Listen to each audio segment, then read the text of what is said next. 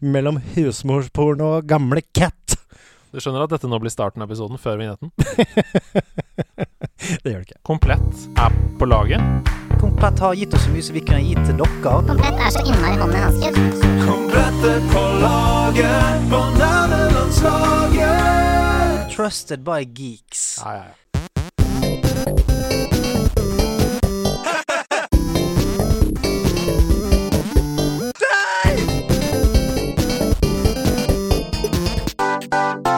Nerdelandslaget. Den er god! Den er grei. Hjertelig velkommen skal du være, din nerdelandslagentusiast. Som du hører, jeg er ikke Stian Blipp. Nei, han har forvillet seg opp i Lofoten. Der er det pent, men det er ikke så koselig som i kjellerstua, hvor vi skal kose oss med litt nerdestoff. Og rett overfor meg, Sebastian Brynstad, sitter han. Mannen med planen og brillene. Mannen med Dogmeat-T-skjorte fra Fallout. Det er Andreas Hedman! Stop touching me! Er det Det er, da, det er dagens slagord. Stop touching me, eller er det en oppfordring? Du, det er uh, ukas catchphrase. Uff da. Ja, det er altså Zar fra Baldur's Gate som sier Stop touching me! Det er jo veldig aktuelt i Det disse er veldig gøy at du sier det, for her er nemlig meldingen som Per Einar sendte inn. Uh, denne catchphrasen passer vel fint nå som vi er i covid-19. Så du hadde helt Dere var two great minds som thinked alike. Um, Det kan du, Hvis du uh, er i en uh, situasjon i livet ditt hvor du tenker nå er det noen som bryter min enmeters komfortsone, så er det bare å ty til SAR og si Stop touching me! Gjør det gjerne veldig høyt også, så det blir en scene på kjøpesenteret. Du, jeg har det bra. Det er alltid hyggelig å se ditt eh, velkomne fjes. Mitt velkomne fjes, ja. Ja. ja. Det er veldig bra å ha. Du ser særdeles godt ut. Jeg, jeg komplimenterte deg med en gang du kom ut av heisen. Ja, ja det gjorde du. Det, og det var veldig hyggelig, fordi man har jo vært mye eremittkreps. Nå er man tilbake i vanlig jobbmønster igjen og sånn, så da er all skryt er god skryt. Men er du såpass god med barbermaskinen selv, eller har du vært hos en såkalt baba? Jeg er såpass god med barbermaskinen selv. Altså, dere, jeg har aldri sett et jevnere skjegg. Nei. Hvis dere ønsker å se skjegget, møt opp på 19-trikken, 11-trikken, 17-trikken og finn meg der. Åssen har du hatt det siden sist gang du var gjesteprogramleder, da Stian var et eller annet sted i verden? Du, jeg har hatt det veldig bra. Jeg har jo uh, kosa meg gjennom øh, sommeren i Norge, uh, så godt det har latt seg gjøre. Og det har jo vært veldig positivt. Og så har jeg jo vært innom litt sidequests og slik, da. Ja, det har vært så gøy. Så jeg har fått nerda litt òg, men det har vært en sommer med en del jobb for min del, en del TV-spilling for min del, og masse Norge. Og det er koselig, det. Jeg gleder meg veldig til å snakke med deg og dagens gjest om hva dere har spilt siden sist. Fordi nå er det jo lenge siden du har vært der, og gjesten er her for første gang. Så det kan bli mye deilig snacks på menyen. Jeg har hørt at det er en ekstra spennende gjest. Ja, han kommer um, på sånn øh, Du vet sånn enhjuling som har pedaler på hver side. Som var kjempepopulært i sånn to år. Ja, ja. ja, ja. Wheel Hva heter det? Wheel? We Airwheel. Airwheel. Ja, ja. Det kommer han på, så jeg vet ikke om han kommer fram. ja, for jeg har hørt at han kjører på to, nemlig. Og han kjører på to airwheels. Ja. Ett på venstre og ett på høyre fot. Ja, det er helt vilt. Helt vilt. Han heter Han er eh, hele Norges eh, favoritt-youtuber og ikke minst TV-kjendis som burde ha kommet mye lenger i Farmen kjendis. Vi snakker om Dennis Airwheel Vareide! Er en bra gjest. Ja, det er en veldig bra gjest. Åh, nå gleder jeg meg. Jeg hører eh, Airwheel som smøres utenfor. Oljes. Er det det vi hører? Ja. Ja, ja for det er en sånn 1800-talls veltepetter-stil airwheel han har. Jævlig svært og mekanisk og jævlig. Vi får se når han kommer, om han har det med seg. Men du, vi, bare, vi har en del nyheter i dag, så la oss bare fyre løs. Ja. Aller først, det har vært en utrolig hyggelig uke. Og grunnen til det, det er fordi at uh, Kulturstripa på NRK P2, ja. dette eh, highbrow kulturprogrammet, Det er highbrow, ass. de eh, viet 20 minutter til nerdelandslaget. Og dette tror jeg det er veldig veldig mange som har behov for å få med seg. altså Den siden av gaming, og hvor viktig det kan være for veldig mange unge folk. For det, eh, Selv for meg, da, som ikke er inne i disse communityene og, og holder på med spilling på den måten, eh, kjenner jo mange som gjør det. Og det fremstår som om eh, den dekningen av det er ganske ensidig. da. Eh, det er ofte sett på liksom problemene ved spilling, ikke så mye hva det faktisk kan få, få utbytte av det, da, og hvor mye det kan bety for veldig mange unge mennesker. Så litt sånn oppsummert da, Eirik, hvem bør egentlig høre denne podkasten som du anbefaler? Eh, Du, for eksempel, vil jeg jo si.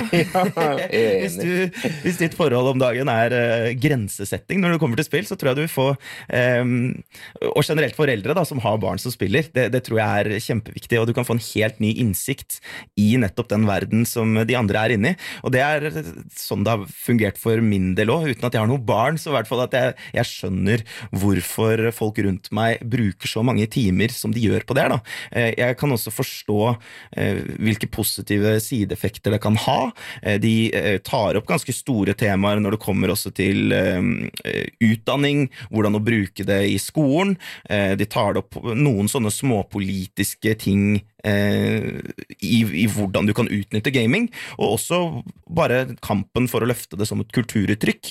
Eh, Aksel Hennie snakker også om i sin episode at de største regissørene, produsentene og også mange stemmeskuespillere i Hollywood nå eh, går mot spillet. fordi at der også fortelles det en historie eh, som, som fortelles på en helt annen måte, med en helt annen innlevelse. Og det blir lagt masse masse penger i det, og blant unge i dag så er det veldig mange som har det som kanskje sitt hovedkulturuttrykk, og det er veldig veldig viktig. Så eh, jeg tenker politikere, jeg tenker folk som liker gaming, og så tenker jeg da også kanskje spesielt eh, foreldre, og de, som kanskje tenker eh, at gaming det er kun en litt sånn fordummende ting som gjør ungdommen lat. Da har du mye innsikt du kan få ut av denne podkasten.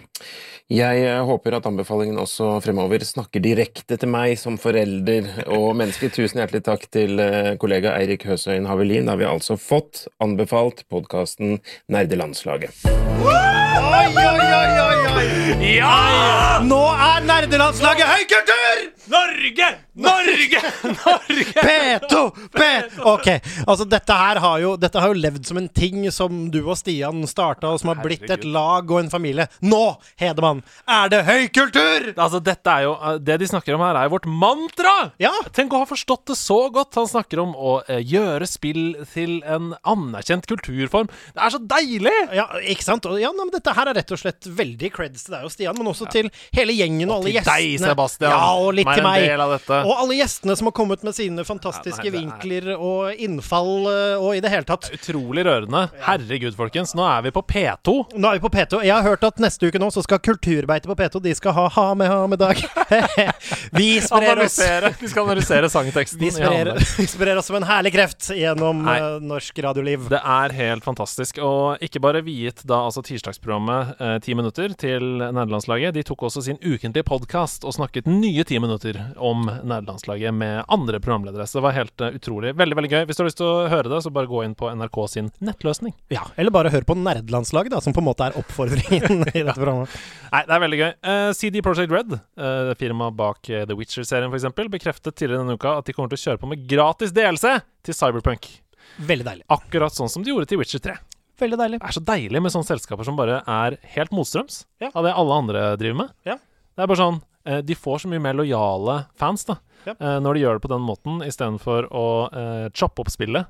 Uh, avslutte det tidligere enn de egentlig hadde tenkt, og gi ut tre delelser etterpå, som hver koster 399. Uh. Det er helt nydelig. Altså, de kommer til å tjene bøtter og spann på å lage bra spill, og så kommer de til å ha en lojal og glad fanbase i Akkurat ryggen det, når de ikke ikke melker dem som kyr.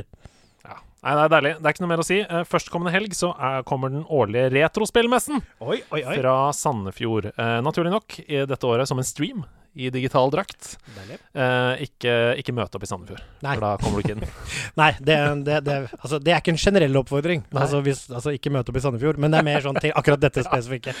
Men benk deg foran din foretrukne eh, strømmetjeneste, der hvor du kan se på YouTube, fordi både Camilla Jørgensen og undertegnede skal være med! Skal dere det?! Ja. Det, det visste jeg egentlig, men jeg spiller sjokkert. Men fortell litt om hva dere skal, da. Nei, det blir veldig gøy. Vi skal bli intervjua om hvordan det er å leve med en kjæreste som gamer, f.eks., og hvordan hennes forhold til gaming er. Vi skal uh, selvfølgelig konkurrere i spill uh, med disse spilledåsene. Fantastiske programledere som også har vært gjester her i nederlandslaget.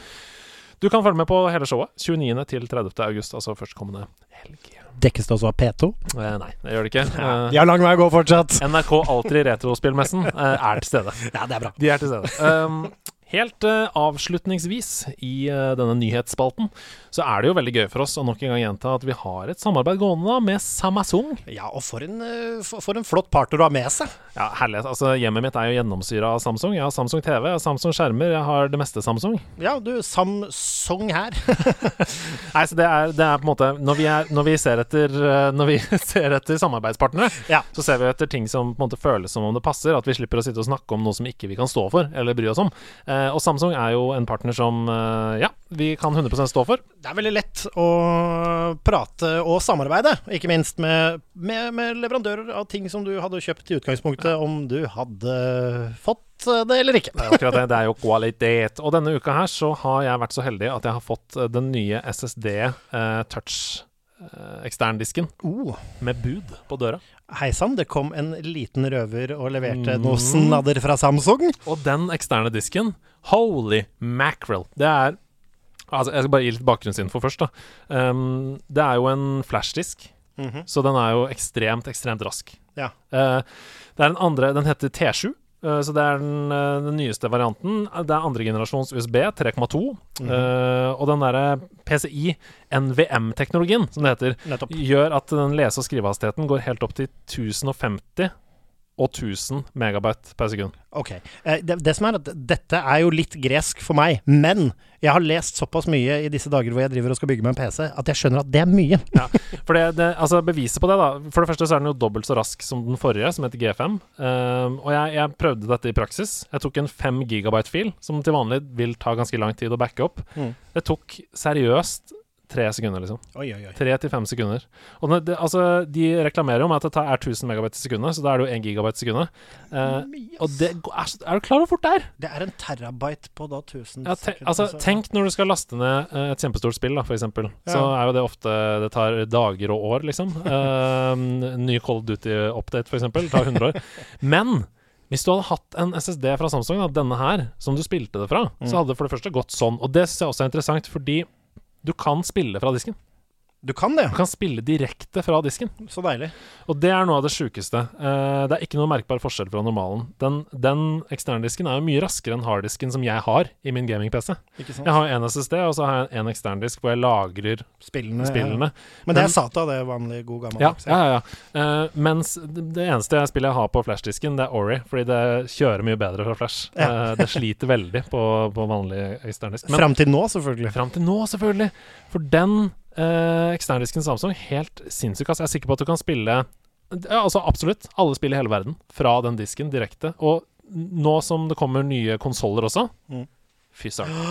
Jeg kan ha denne på Å ja, for det jeg driver- jeg driver og sjekka ut nå. Hvordan jeg kan liksom beefe minnene på PlayStation min for å unngå å slite ut den.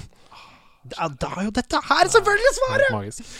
Og så føles den jo veldig trygg og veldig fremtidsretta. For det første så er det 256-bit-kryptering. Eh, for de som er meganerds der ute, så vet de jo hva det betyr. Og for det andre så er det fingertrykksensor for å låse opp eksterndisken. Aha. Og det har jeg aldri opplevd før på en eksterndisk. Nei. Du kobler den til Mac-en din, da, og så kan du jo eh, på en måte godkjenne den Mac-en, sånn at den slipper du å gjøre det med. Ja. Men hvis du kobler den til en ny Mac, Mm. som du aldri har gjort det før, eller en ny PC eller hva det er, ja. så må du da aktivere den med fingeravtrykk på, på selve disken. Det er nydelig for oss eh, i TV-bransjen, det. Hvis Ja, det du har med deg disker rundt og noen skulle snatche sekken din, f.eks., Mm. så er det ikke noe håp for å ta noe ut av den. Nei, og den er jo sinnssykt uh, vanskelig å krakke også, pga. den 256-bit-krypteringen. Så Exactly. selv om man skulle komme seg gjennom den sensoren, så er det jo bare vas for den som kommer seg inn i filsystemet. Da får de pynte med den, for det er den pen å se på.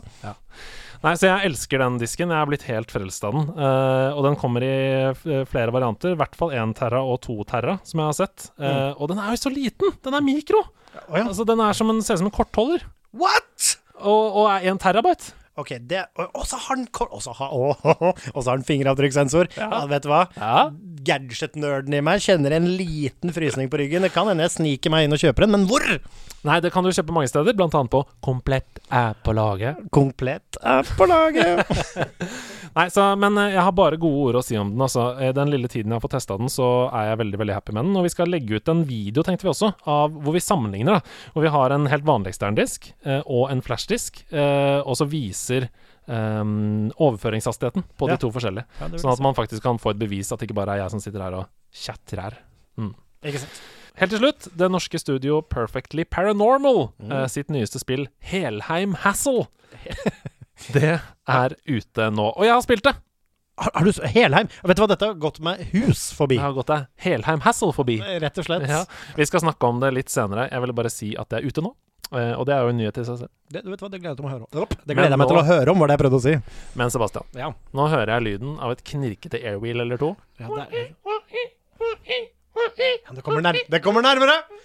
Herregud, hva er det jeg skimter i Og nå kommer han ned trappen i kjellerstua på dette her. Kartak, kartak, kartak, kartak. Og så rett bank ned på plassen sin, da, gitt! Hvem er det? Dennis Vareide! Jeg må bare si med en gang, det er ikke airwheel, det er knærne mine. Jeg har gjort som alle andre nordmenn og gått tur i fjellheimen i sommer. Og det takla ikke den gamingkroppen min. Altså. Det var skade med en gang. Så nå høres du rett og slett ut som en dårlig smørt uh, veltepetter, eller airwheel, da. Ja, ja, rett og slett. Rett og slett. Hva smører man knær med? Nei, jeg vet ikke. Tålmodighet og sinne. Ikke ta- Jeg føler meg gammel, rett og slett. Det er hardt. Der er vi. Det er veldig hyggelig å ha besøk av deg, Dennis. Ja, takk, takk. Eh, Du er jo en av de første youtuberne som jeg personlig fikk et eh, forhold til eh, Yes, jeg i forhold? Norge. Nei, ikke på den måten. Men Gikk rett i den fella, Edo. da. du kan si en av de første jeg trykket på 'subscribe' på. Oh, takk, Eh, Ja, så det var jo mitt møte med norsk YouTube via eh, da eh, Dennis. Kan ikke du fortelle litt om deg sjæl? Ja. Hvorfor du sitter her i dag? Hvorfor vi har fått deg hit? Jeg heter Dennis. 30 år. Uh, nei, nei, hvis det er det YouTube du tenker på, så Jeg tenker egentlig på hele gaminglivet ditt. Hvor Skal vi starte fra starten Ja, av? ja, selvfølgelig. skal vi det. Å ja, du, det første jeg husker, sånn utenom noe SNES-greier, som er, ligger sånn veldig vagt bak i minnet, er en TV-reklame, 96-97, av Super Mario som hoppa ut av TV-en.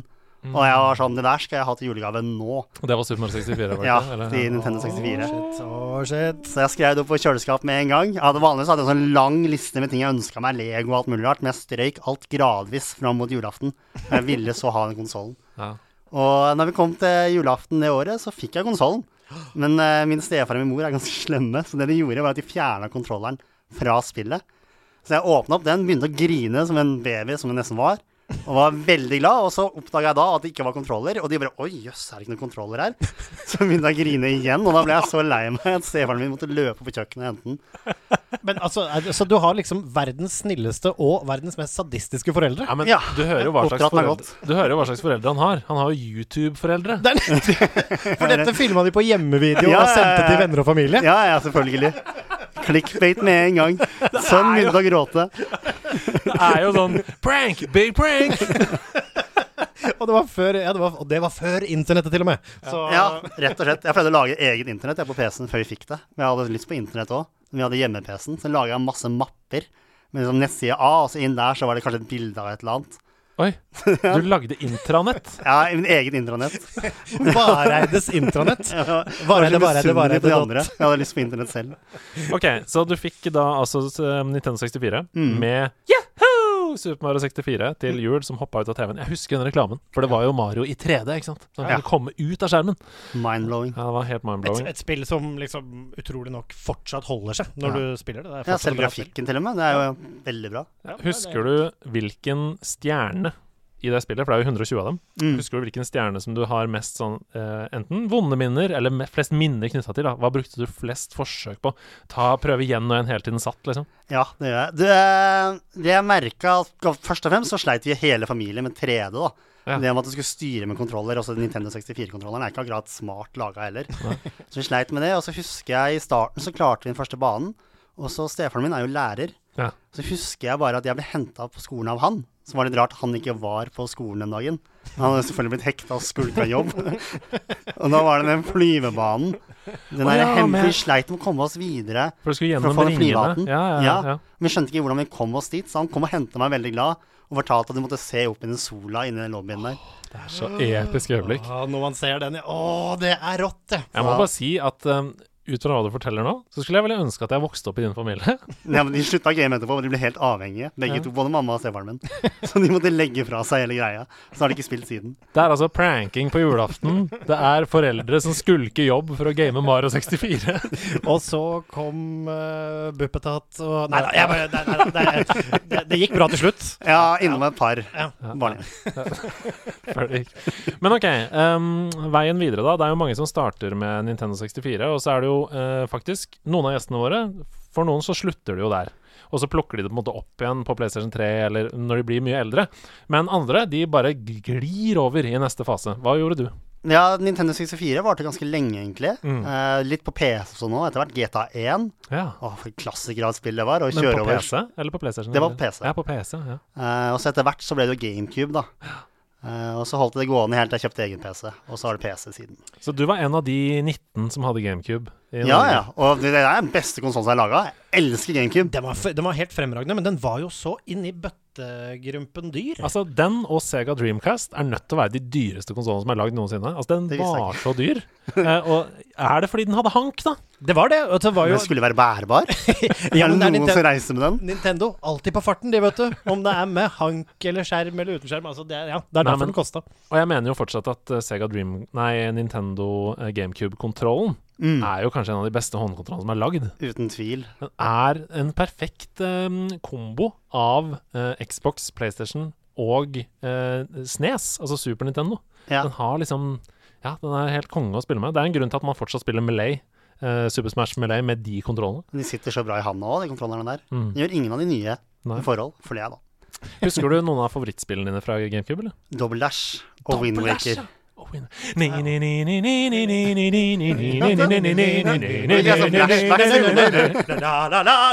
Nei, ok, greit. Velkommen til nederlandslaget. Ja, ja, det er veldig koselig. Jeg kan ikke synge, så jeg skal ikke prøve engang. Jeg skal ikke nynne engang. jeg. Kan du ikke prøve litt? Nei. Litt okay. på Da kommer alle til å stikke fra podkasten med en gang. Jeg har ikke lyst til å ødelegge for dere. Litt på Double Dash-temamusikken, da? Jeg husker ikke det igjen. Men, og Pokémon, da, helt åpenbart, på Gameboy. Det var jo også en stor greie. Var du blå, rød eller gul? Eller? Blå, og så gull. Jeg var også blå.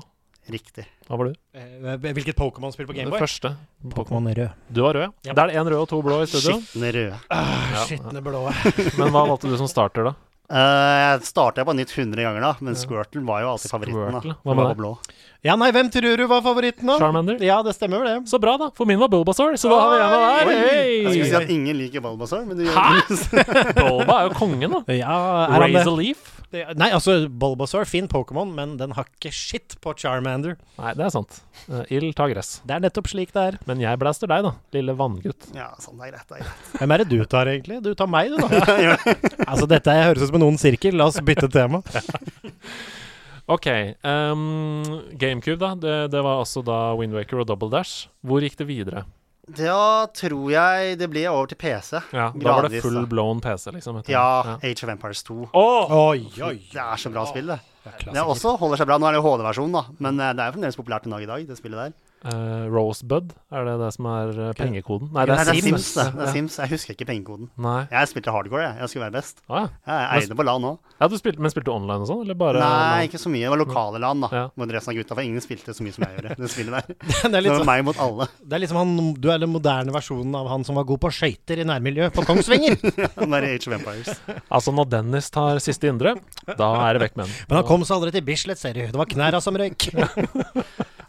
Ok, men Age of Empires, da er favorittmap og favorittklasse å spille med? Favorittklasse er Huns. Ja, det er det. De er, de det er bare å skaffe de der elitefolka, så bare tar de ned alt. Så Lett som bare det. Ingen skjønte den taktikken der. Map, det husker jeg ikke. Vi spilte vanligvis bare Castle og sånn random generate-greie. Så det er altså sånn at du, du gjorde bare det samme hver gang, Ja. og likevel så vant du hver gang? Ingen skjønte taktikken. Det tok litt tid. De ville bytte spill. Så du er egentlig ikke så god i det. Du er litt one trick pony. Jeg testa det HD-versjonen online, da ble jeg knust med en gang. Ja, det, det. Det er som å spille Face Hunter i Hearthstone. Det er face it the place, og det er det du driter i egentlig hva motstanderen gjør. Du Ja. bare du, Det er bare agro i fjeset hans. Om det er lov å si. Ok, men da var PC-en, og det var på en måte veien inn, da, sikkert til en slags YouTube-karriere og sånn. Mm. Uh, gikk jo forskjellig i andre spill, som VS3 og CS, alle klassikerne på den tida der, da. Og så var det et norsk selskap som skulle lansere et MMO. Ja. Og meg og gutta vi skulle spille det, så het Age of Conan. Det her var vel på andre klasse på videregående. Funcom der. Ja, Funcom. Jeg har et elsk-hat-forhold til selskapet der. Altså. Men de eh, skulle lansere det spillet der, og det, hele guttegjengen skulle spille det. Og Mm. det, det ble det mye av. Age of Conan. Mm. Det er legendarisk spill. Altså. Det er vel til eh, dags dato fortsatt den største suksessen til Funcom, må jo nesten si det. Og største floppen samtidig. Oh, ja. Ja, ja, altså Det var jo veldig populært i starten, men det var jo bugga herfra til månen. Men det var jo mitt første MMO, så jeg ble jo hekta. Mm. Veldig. Men hvor lenge spilte du da? Hvor mange hundre timer tror du du har i Age of Conan? To år. Oi, wow. Veldig på i store perioder, og så litt av etter hvert. Ja. Så jeg fikk meg kjæreste. Da skjønte jeg at det, det fins mer til livet enn den characteren min. En Age of Cone. Som var et veldig døende spill veldig kjapt. Men uh, vi var en liten gjeng, altså, mye nordmenn, Mm. som hadde en egen uh, guild som vi uh, kjørte hardt på. Men lagde du Fordi du er jo uh, Mye av grunnen til at man uh, oppnår suksess som uh, YouTuber, det er hvis man er veldig allsidig. Altså Ikke bare er man god til å spille, gjerne, men også god til å lage film. Man er god til å klippe, og man er også en på en måte, profil. Da, foran, man er flink til å være programleder eller være foran kamera. Mm. Um, så jeg antar at du lagde masse sånn frag-movies og sånn? Helt riktig. Age of- Konan var starten der. Laga både sånn trailer til gilden da, for å rekruttere flere folk, og sånne der frag-ish movies. Ja. Jeg har sett andre hadde gjort det. Jeg bare wow, det der skal jeg lære. Så da lærte jeg meg å klippe. Så det Men- var starten. Men altså, hva var liksom Når var det du Når var det Altså, jeg skjønner man begynner å lage videoer, du begynner med hele den greia der, men når var det liksom Kallet kom når du skjønte at akkurat, i hvert fall eh, framover nå, det er YouTuber jeg skal bli, og det skal jeg få til. Hvordan var det liksom Hvordan, hvordan kom, eh, kom det i stand? Ja, det var jo at jeg, Først var det Age of Conan, så laga jeg litt videoer. Da var ikke YouTube en greie engang, tror jeg. Da var det nylig starta, så jeg opp sånne andre sånne tilfeldige nettsider. Og delte det. Og så dro jeg på folkeskole eh, på grafisk design, men det var jo nybegynner i Photoshop, og det kunne jeg jo. Så da fikk jeg egentlig bare beskjed om å gjøre noe annet, og så laga jeg videoer. Og ble bedre på det. Og etter det året på folkeskolen så la jeg opp Age of Conan-karrieren. Og så oppdaga jeg et spill som heter Minecraft. Og da var jo And the rest is history. Rett og slett. Dette her har jeg gleda meg så mye til å spørre om. Jeg Mm. har tenkt på dette dag og natt siden eh, vi booka deg som gjest. Mm. Sebastian Brunestad. Mm. På andre siden av bordet Mm. så sitter mannen Mm. som fant opp sjangeren Battle Royale. Det er faen meg sant. Er ikke det helt psycho?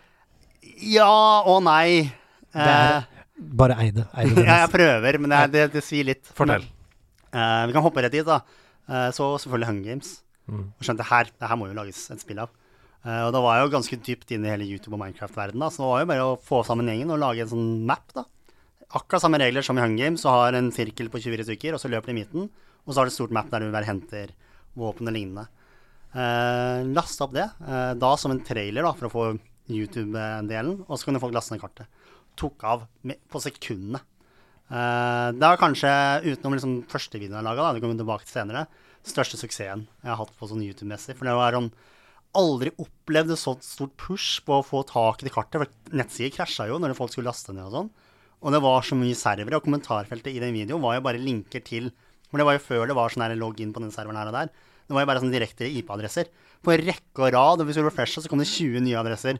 Kom join, kom join. Og jeg var med på mange av det, og det var masse folk. Og det var ganske vilt, og det tok jo helt av. Det ble en egen sjanger på YouTube, eh, hele greia der. Jeg, bare- jeg syns det er så sjukt, fordi eh, jeg tror, da, helt ærlig Det kan godt hende at noen andre hadde funnet det på, men jeg tror ikke ehm, For det er sånn at eh, alt jeg har blitt fortalt, er at du var den første som lagde survival games, på en måte, altså Mm. uh, Hunger Games, i Minecraft. Som jo er det første Battle Royale ordentlig, i hvert fall i stor skala, i verden, i spillverden.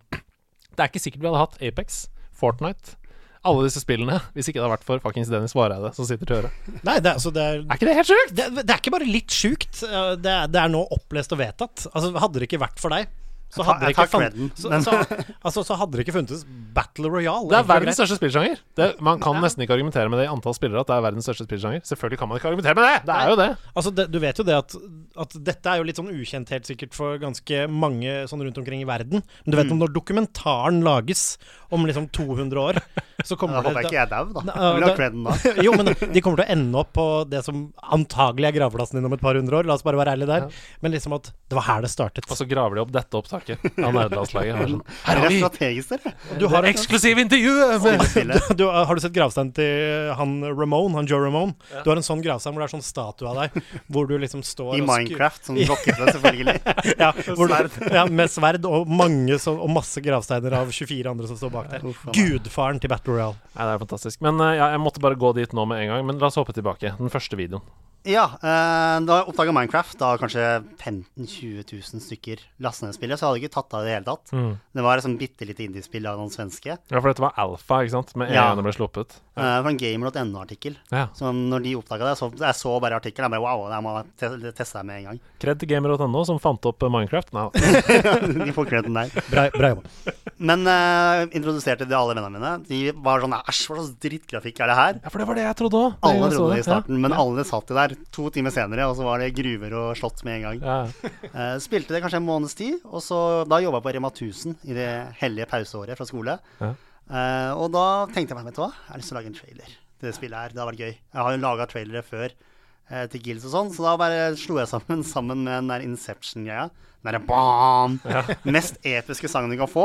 Før den memen hadde kommet, så jeg var litt tidlig der òg. Med den grafikken. Ja, ja, ja. Og jeg gjorde det superepisk og hadde, gjorde det så skummelt jeg klarte. Ja, og gris og spider og Hele pakka.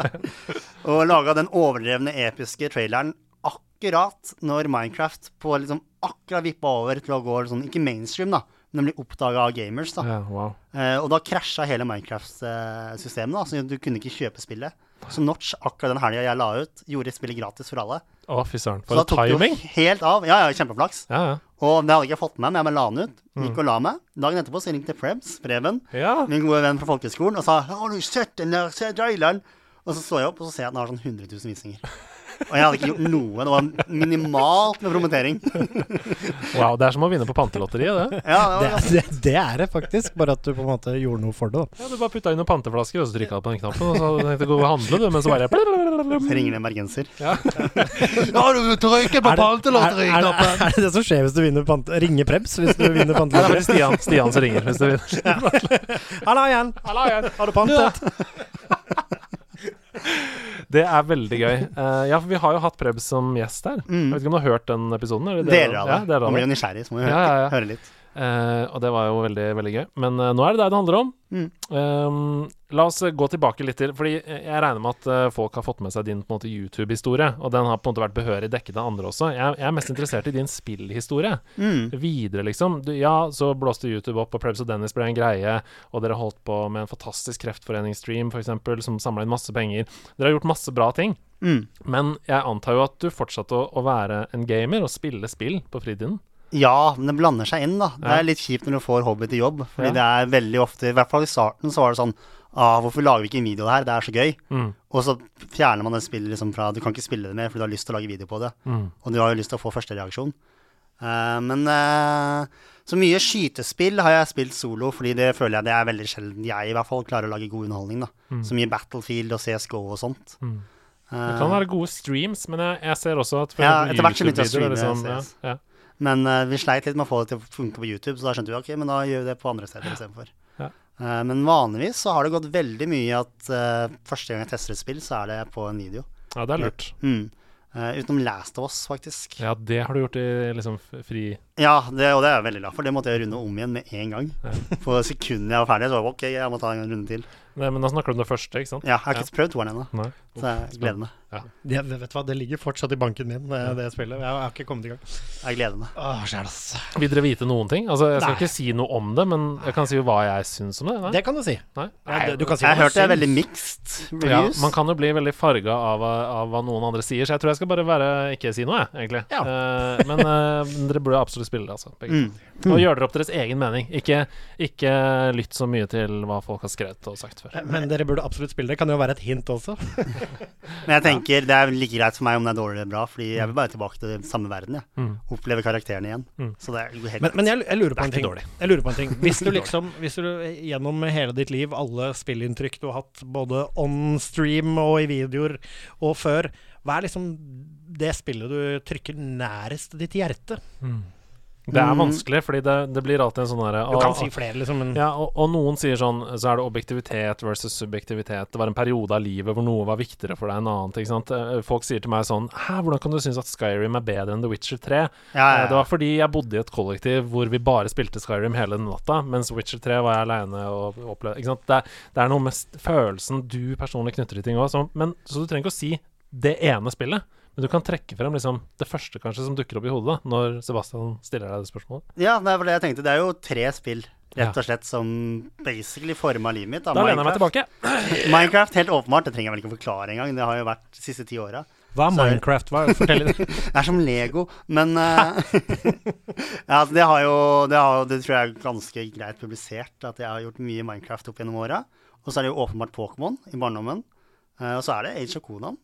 Som er kanskje helt øverst på den lista. Som var, det er jo to år som eh, rett og slett forma livet mitt mye. Altså Man får jo vennskap der. Veldig mye gode minner. Jeg tror jeg flere av de minnene man har fra spillet, er topp ti livsminner. Uh, opplevd mye rart, men uh, jeg tror er to- to-tre øyeblikk der som er helt på toppen, liksom. Kan, kan du fortelle om ett av de øyeblikkene, bare for å sette det i kontekst? Ja, det kan jeg godt. Eh, vi hadde en guild, da. Skjæra til Hvis det er noen som er fra gilden Ragnarok som hører på, så ta gjerne kontakt. Eh, jeg kan ta en annen gøy historie om det etterpå. Men eh, vi var jo en skandinavisk guild, da. Først og fremst nordmenn og et par dansker. Eh, og of for min del handla om PVP, da. Det var spiller mot spiller. Og i of så var det guilds mot guilds. Og da var det jo oss nordmenn som en av de største gildene. Vi måtte jobbe oss opp gradvis. Vi var litt sånn resistanse i starten. Litt underground og ble banka opp av de store gutta. Og så gradvis så klarte vi liksom å bli en stormakt på den serveren, da. Eller det, i det spillet etter hvert, da. Eh, men så var det jo de forbanna russerne, da. Ruscorp. Som var liksom overmakten og helt jævlige folk. Ikke land generelt, da, men den gutta i gilden her. Helt Ja, drittsekker. Jeg har passion-hat for alle russere in game fremdeles en dag i dag. på grunn av Ruscorp. Og de var jo totalt dominerende. Så når, den, når vi som første gilden endelig klarte å ta de, og liksom knuse borgen deres, eller jeg husker ikke hva det heter lenger, men vi hadde sånn borg hver gild kunne lage, da, som du kunne angripe. Når vi klarte å knuse den eh, borgen der, det, det var, det, jeg har aldri hørt så mye gledesrop, både fra meg inn i Ventrilo, 19 år gammel, i, på rommet mitt, og liksom fra voksne menn og hele bakka. Ja! Fuck! Og hele bakka der. Og det var, det var et stort øyeblikk. Det husker jeg veldig godt. Kommer aldri til å glemme de greiene der. Altså. Og så banka det på døra, og så sto en KGB-offiser. You have to go. Yeah, I hear you play with the Ruscorp. ja. Hello. Jeg er så glad at vi slo de. Så det var altså det, Ja, ikke sant. Dere, de store despotene i yndlingsspillet fikk rett og slett juling. Ja, og da tok vi over og var uh, the big dogs, og det var, uh, da kunne jeg banke dritten ut av Da ble det sikkert interne problemer i Ruscorp, og lederen ble Ja. avsatt, og det bare løste seg opp. De bare slutta. Og så, Dead game, som de sa. og så ble Og så ble dere problemet dere satt ut for å bekjempe. Det er helt riktig, faktisk. You were supposed to bring balance to the force! Inception-trailer. Ja, men det er faktisk helt sant. Vi fikk masse hat, for da var vi liksom de bad Ja, guysa og alt det greiene der, da. Men det var greit. Men uh, det var Men jeg syns det er interessant fordi uh, mange som snakker om store online-opplevelser, sånn som du snakker om nå, de, uh, hen, de snakker ofte om World of Warcraft. Det er jo ofte det spillet de snakker om. Det har sikkert vært det hvis jeg hadde prøvd det først, da. Ja, Men jeg fordi- hoppa over det. Og det har du aldri spilt? Nei, det var et par år før det tok av. Og jeg husker eh, et par av guttene hadde en på ungdomsskolen eller noe. Ja. Som kommet, kom tilbake i gymmen, så var den bare ekstremt brun fra liksom under puppene og ned til navlen. For han hadde sittet og gamet World of Warcraft hele sommeren og fått sol inn akkurat der. det var så varmt den sommeren. Det vi kaller WoW-skille nå i våre dager. Nei, jeg hoppa over det. Altså, det var de gutta som starta med, ble jo veldig avhengige, så jeg burde jo ha skjønt det når jeg starta i of Mm. Men eh, jeg vet ikke, jeg bare, akkurat da så var ikke det det spillet jeg hadde lyst til å spille. da. Det er utrolig gøy å ha besøk av deg, det må jeg si. Du øser ut om masse deilige spill som jeg eh, ikke har spilt, men som jeg har lyst til å spille. Eh, men nå har vi gått gjennom det som har vært. La oss snakke om hva vi spiller nå om dagen. Jeg har lyst til å begynne med deg, Sebastian Brænestad. Kall meg gjerne det. Ja. Ja. Hva spiller du nå om dagen? Hva spiller jeg nå om dagen? Du, eh, det er jo som alltid litt Fifa. Det er jo i sin spede slutt nå, så det begynner å dø ut for meg også. Nå er laget godt nok. Jeg har vunnet det jeg føler jeg skal vinne. Er det sårt Er det sårt med alle in game currency som kommer til å forsvinne når det kommer nytt spill? Det er jeg så grusomt vant til at jeg bestemmer meg for å ikke irritere meg over lenger. Men ja, det er litt som om hvis du spilte golf og kjøper deg masse fint utstyr en gang i året, så kommer det inn og bøffer golfutstyret ditt fra foreningen og bare sånn fuck you, begynn på nytt. Ja. Men ja, sånn har det blitt. Men det, det gidder jeg ikke snakke om. Nok Fifa-preik, eh, det veit hver. Men eh, nå har jeg kosa meg med mm, For ikke lenge siden, da, så gjorde jeg jo Ghost of uh, Sushima. Eh, det skal jeg faktisk kanskje snakke litt mer om eh, senere. Oi, det blir spennende. Gleder meg til. Så vi får se. Men det var et veldig fint spill for meg. Traff meg veldig. Og utover det så er jeg Soulsborne-sulten. Jeg kjenner at jeg savner Dark Souls, Demon Souls og det hele. Så jeg lastet ned Mortal Shell. Oi, Mortal Shell. Det har jeg ikke hørt om. Jeg. Det er rett og slett en Dark Souls-klone, kall det gjerne det. Eh, koster eh, Hva kosta det? 250 spenn eller noe sånt? Som er et uh, lite selskap som har laga seg sitt eget. Det er ikke like raffinert, men det er, det er som metadon for eh, Dark Souls-heroin. Hvis du liker den sjangeren. Spillet ser bra ut. Kul verden. eh, litt lett lettere på en eller annen måte, syns jeg, da, enn Dark Souls, kanskje. Det kan jo være positivt for mange som er redde for å begynne på Dark Souls. Ja, ikke så mye lettere, kan jeg legge til. Eh, men Fin, fin eh, detalj som du legger til der. og, og kanskje ikke helt like slepent heller, men jeg koser meg veldig med det. Det er en sånn ny physics. Her handler det om at du er en sånn undead-greie. Det er jo like convoluted som eh, Dark Souls skal være. Det ser helt sånn ut, og historiefortellingsgrepene her er jo nøyaktig det samme omtrent. Men du er en slags sjel, en, eh, et, eh, en mortal eh, av noe slag, som kommer opp av en undead verden, og så inhabiter du sånne skjell du finner, altså, som er en rustning, som er en kropp som du inhabiter. Så får du flere våpen og flere sånne skjells som du kan bytte imellom og oppgradere underveis. Og samme måte, hvis du dauer, så kan du komme tilbake inn i skjellet ditt. Men du har også en litt spennende sånn harden-funksjon. Så det, vet du hva, det, det, det Jeg klør skorpa mens jeg venter på neste.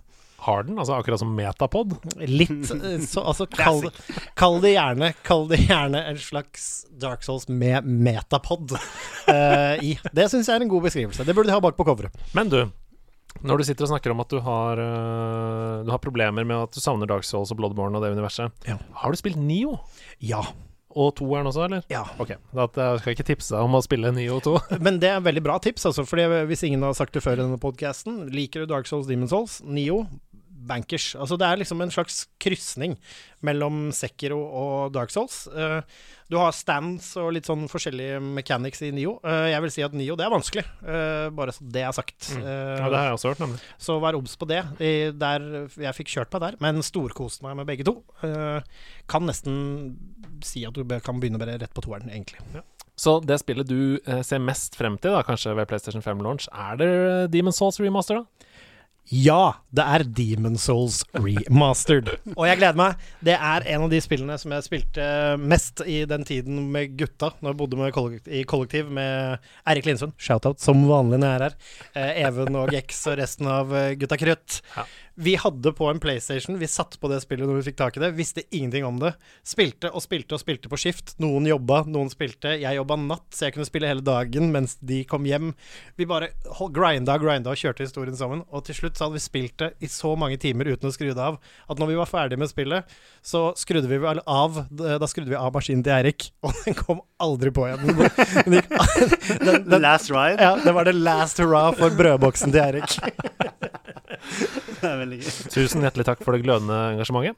Eh, jeg hopper over til deg, Dennis. Hva spiller du om dagen? Du, det er, eh, det er et spill som akkurat har kommet, da, som eh, tar verden med storm. Som jeg selvfølgelig har plukka opp og har spilt altfor mye. Det er Fall Guys, uten tvil. Det Er Fall Guys! For et herlig og for jævlig spill. ja, men spiller du på PC? Ja, Ja, med du, kontroller. Jeg bytta over. Jeg startet med keyboard. Jeg spilte i 18 timer uten win. Bytta til eh, kontroller, fikk win. ja. det er, men det er mye lettere å spille med kontroller. Ja, det er helt enig. Ja. Um, hvilken favoritt Altså hvilket brett er din favoritt i Fall Guys? Og den der, tip... Er det tiptoen heter? Den der der eh, du ikke vet om platåene er eh, ja, du kan stå på det eller ikke. Ja. Eh, så du må liksom bare Du må, du må finne veien til mål. Ja, eller følge bak flokken, da, og så må du bare snike deg forbi. Hvorfor liker du den best? Jeg syns den er gøy. Jeg, jeg vinner den alltid. Så jeg er jeg alltid god på den. Så det er favoritten. Et spørsmål, fordi dette spillet snakker jo alle om om dagen, og jeg har ikke enda tatt det i mine hender. Hadde det ikke vært for Dennis Vareide, så hadde vi ikke hatt spillet Fall Guys, som er et Battle Royale-spill! er det Battle Royale? Ja, det er Mario Party. Battle Royale, basically. Ok, hvordan men altså, Jeg syns det ser ut som Gangbeast. Okay. Det ligner Ja, jeg, jeg jeg det. Brunstad. Ja. Uh, spenn deg fast. Ok, jeg er spent. Du starter opp Fall Guys sammen med vennene dine. Mhm. Du hører den ding, ding, ding, ding, ding, ding, ding. Veldig irriterende eh, Kan, kan, kan, kan jeg skryte av at jeg spiller, at jeg spiller det sammen med han som fant opp Battle Royale? Ja, det kan du. Ok, bra. Ok, jeg begynner med det.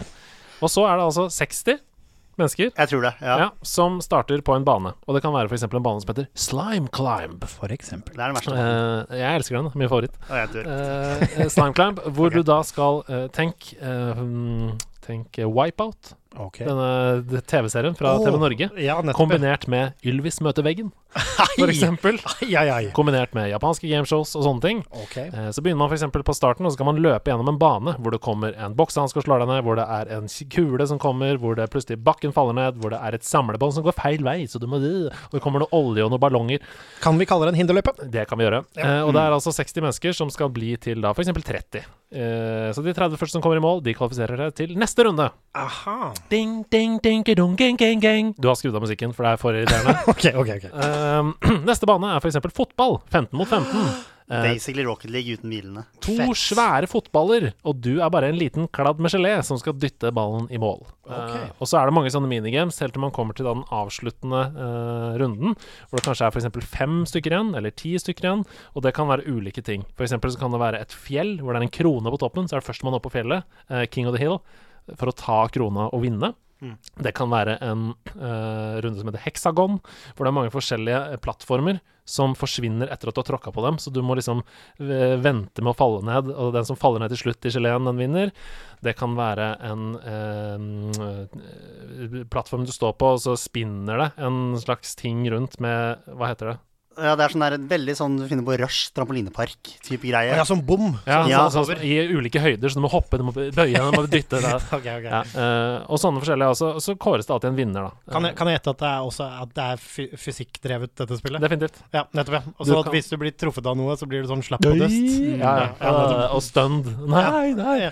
Ja. Kan man klappe til hverandre? Ja. Eller du kan ikke klappe til hverandre, du kan holde de andre. Ja, for der hadde jo dere en litt aggressiv diskusjon. eh, For du bare 'Jeg syns det er så deilig at det ikke er mulig å gjøre noe med hverandre', og Stian ble veldig sint. Stian hata det. Ja. Stian vil gjerne ødelegge for andre. Ja, jeg, vil bare, jeg vil bare holde meg unna av de andre. Du må jo stå på målstreken og prøve å dytte folk vekk. Du har kjempa seg hele veien og bare Yes, klarte endelig Dette- time! For dere, for dere som lytter der hjemme, nå blir Andreas rød og sint og har lyst til å si til Dennis at det er ikke noe gøy, men han er en god vert og sier ingenting. Jeg, mener at dette sier mye om folks personlighet. Det Ja, men det er et monster i spill, ja. Nei, så det er altså Fall Guys. Og det er kjempegøy. Det er gratis på PlayStation Plus. Det er bare å laste ned og spille. Ja, jeg har Eh, lastet den, jeg har bare ikke spilt. Og vi som da er medlem av Oslo OK, du og jeg, Ja. eh, vi, er, vi spiller ofte Fall Guys, vi. Har spilt med Hasse og Pu og Ja, ja, på. Jeg har bare jobba med Jeg er klar, jeg nå. Jeg skal Ja, laste ned og prøve. Det er kjempegøy. Ok, nå har jeg snakka dritmye om Fall Guys, men det er jo ditt spill. Ja, det er ikke mitt spill. Jeg fant ikke på det. Nei, men det er det du spiller om dagen. Hva, er- Ja, hva, er, det du liker, hva er det du liker best med det? Nei, det er bare kjempegøy. Det er uh, ren moro, og så prøver jeg å bli best, da. Uh, ja, det er en kreativ løsning på Battle Royale. For du kan, for du kan bli best her. Ja, fordi nå, Ja, ja. Dette var det jeg skulle følge opp med å si. Ofte når det kommer en ny sånn hit, f.eks. Pokémon Go, så er det sånn Se Dennis Vareides beste tips til Pokémon Go! Forsiden Ja. av VG. Mm. Uh, kan, vi nå, kan vi få en live Det er, Se, det er seint med det nå, Edo. Kan, vi få en, kan vi få en live Se Dennis Vareides beste tips til Fall Guys. Men jeg kan ikke komme med sånne tips. Vi har én win på 20 timer. Jo, men ikke, ikke skap deg. Du fant opp sjangeren. Nå begynner det. Tips 10. Ja, nei, jo, faktisk, på startbanen der, den ene med de turbinene Ja, den derre uh, Ja. The Wiggly Nei, hva heter den? Ja, alle de som har spilt Fall Guys, må alltid gå til venstre på den siste turbinen der, der du kan gamble. Ja! Alltid gå til venstre, ikke hopp, bare slide forbi. Kommer alltid gjennom. Tips 9. det er mange tips. Vi hopper rett til ditt beste. siste, siste tips. Hexagon, Tips- finalemappet. tips Gå nederst. Ja, gå nederst, Og så løper du fra midten i sirkler rundt. Ja, det er veldig lurt. Jeg Har ikke vunnet ennå Eh, på det, men det er bra tips. Jeg er helt enig. Du, du bare faller ned til laveste nivå, og så lager du et kjempestort hull. Sånn at når alle de andre faller ned etter hvert, så er det ikke noe å stå på der. Ja, så det var Dennis Vareides to beste tips da til uh, Og ikke vinne i Fall Guys. Og ikke vinne. Er det noe annet du spiller om dagen? Mm, Nei, egentlig ikke. Uh, men i disse koronatider, når det starta opp igjen, så lasta jeg ned både Dota 2 og Age of Conan, som har vært to gamle klassikere. Og testa det. ble mest Dota, da, for det er jo heroin. Du sa i stad at du pleide å stå på målstreken få Guys og dytte folk ut. Hvilken rolle har du i Moba? Nei, det er vel carry og mid, da. Selv om jeg er dritdårlig. Jeg skal jo ganke folk, skal jo prøve å ødelegge. Går etter supporten som har minst håpe. Spiller du stort sett bare online for å vaske deg i andres tårer? Ja, jeg elsker det. Det er den beste jeg vet. Ja. Så, ja det er, man må få ut litt aggresjon på en måte. Min Ja, men det er er, i dataspill, og det er mye Det kan bli mye sinne òg. Det er deilig, det. Men, men IRL er du snill som et lam, si. Ja, egentlig. Ja, det er bra. Det er Det eneste du uh, oljer, er airwheels og egne knær. airwheels. ja. Du har blitt en slags ufrivillig ambassadør for det avleggeste transportmiddelet Airwheel. det syns jeg er gøy. Jeg tar den, jeg. jeg tar den. Det er greit. det. Er greit. ja, Andreas, hva er det du spiller om dagen? Nei, så hyggelig at du spør. Ja, ja, men det er bare hyggelig. Ja, du, jeg spiller da en del eh, Helheim Hassel, som jeg snakket om innledningsvis. Dette nye spillet fra det norske studio Perfectly Paranormal. Det Hva, har de, hva står de bak eh, tidligere? Manual Samuel. Ja! Nettopp spredt opp. Er det her sånn 70-talls-vibe-spill? Bare i fjordene? Det er veldig gøy at du sier det, fordi um, Helheim Hassel er en slags spirituell oppfølger da, til deres første spill, Manual Samuel. Og det er jo samme skaper som står bak, Ozan, som er en eh, fantastisk crazy fyr. uh, som har et uh, hode som jeg er veldig glad jeg ikke er på innsiden av. Um, men det fører jo til at spillene de lager, er kjempemorsomme. Fulle av kreativitet, masse craziness. Du vet ikke hva som skal skje noensinne. Og Hellheim Hassel er, Sebastian Brunstad, en puzzle-plattformer à la Portal 2. Ok, greit. Ok, nå er jeg interessert. Og um, måten det, det er som sagt veldig morsomt. Ehm, det handler om Du, du begynner i eh, vikingtiden Uh, som en Bjorn the Viking. Uh, alle har lyst til å dø. Alle som er i landsbyen, har lyst til å dø. I'm gonna die forever! Ikke sant? Det er liksom ære og Valhalla! Hey! Og så løper de inn i kamper, og alle blir drept. Woohoo! Har lyst til å dø, alle sammen. Men Bjørn har ikke så lyst til å dø, så han går ut i skogen for å gjemme seg når det er battle. Uh, Det er gøy, gøy, gøy ja. Eh, det som skjer da, når Bjørn eh, leter etter hjemmestedet sitt, er at han faller eh, Det er tre som knekker i to, så han faller ned og dør. Selvfølgelig. Ja, nettopp, ja. Og han dør da på en veldig eh, ikke honorable måte, tror han selvfølgelig selv. Nettopp. Og han er litt sånn nysgjerrig på Hellheim. Han har, han har bare hørt Nei, du må ikke til Hellheim, du må til Valhalla. Problemet er at i fallet så falt han på en bjørn som han drepte. Så derfor så har han drept en bjørn med bare hendene! Den, den gutten. Og derfor så kommer han selvfølgelig til Valhall, og ikke til Hellheim, eh, noe han er veldig lei seg for. Og så er vi i gang, da, vet du. Og måten dette spillet eh, pågår på, det er at man kan, som Bjørn i død versjon, kvitte seg med kroppsdeler. Oi, hæ? Du har en arm, du har en annen arm, du har en torso, du har to bein, og du har et hode. Og disse bruker du til å løse ulike puzzle-oppgaver. Så for eksempel så er du inne i et rom, du skal finne en dør som du skal åpne til et annet rom. Da kan du ta av deg hodet, og så kan du slenge det på en knapp som er oppi der. Og så kan kroppen din gå en annen vei og stå på en annen bryter. Sånn at til sammen så åpner man da døra.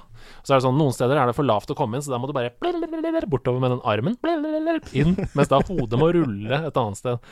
Så er det sånn at armen kan plukke opp hodet og pælme hodet og sånn. Det er veldig mange gøyale eh, Gøyale forskjellige uh, objectives som du kan gjøre. Uh, sprø humor. Og jeg liker det veldig godt, altså. Det er kjempegøy uh, og finurlig. Hvordan grafikk snakker vi her og sånn? Er det Vi snakker uh, tegna grafikk mm. uh, i ja samme sti- Altså, det er animert, liksom. Samme stil som Hva skal jeg sammenligne med, da? Uh, slags Rayman, bare i mer naiv grafikk, på en måte. Um, men det er veldig gjennomført, og jeg fant ikke noe bugs. Eh, jeg ble veldig overraska over originaliteten og kreativiteten i de ulike oppgavene og sånn. Hvor lang tid brukte du cirka? Eller er du gjennom? Nei, jeg, jeg, jeg er ikke helt gjennom, skjønner du. Nei. Men eh, jeg tror du kan fint komme gjennom et sted mellom 10 og 15 timer, kanskje. Så du, du anbefaler det, skjønner jeg? Ja da, det er kjempegøy. Hvis du liker uh, puzzle-plattformspill, sånn som Portal 2 eh, og andre typer spill, så kommer du til å kose deg med det. Og hva er plattformene det er tilgjengelig på?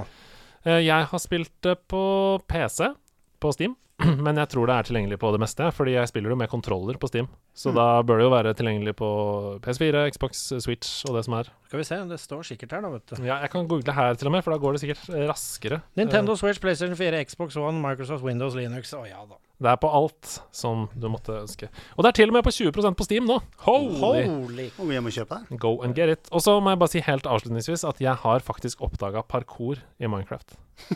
Parkour. Ja. ja, ja, det er en greie, det.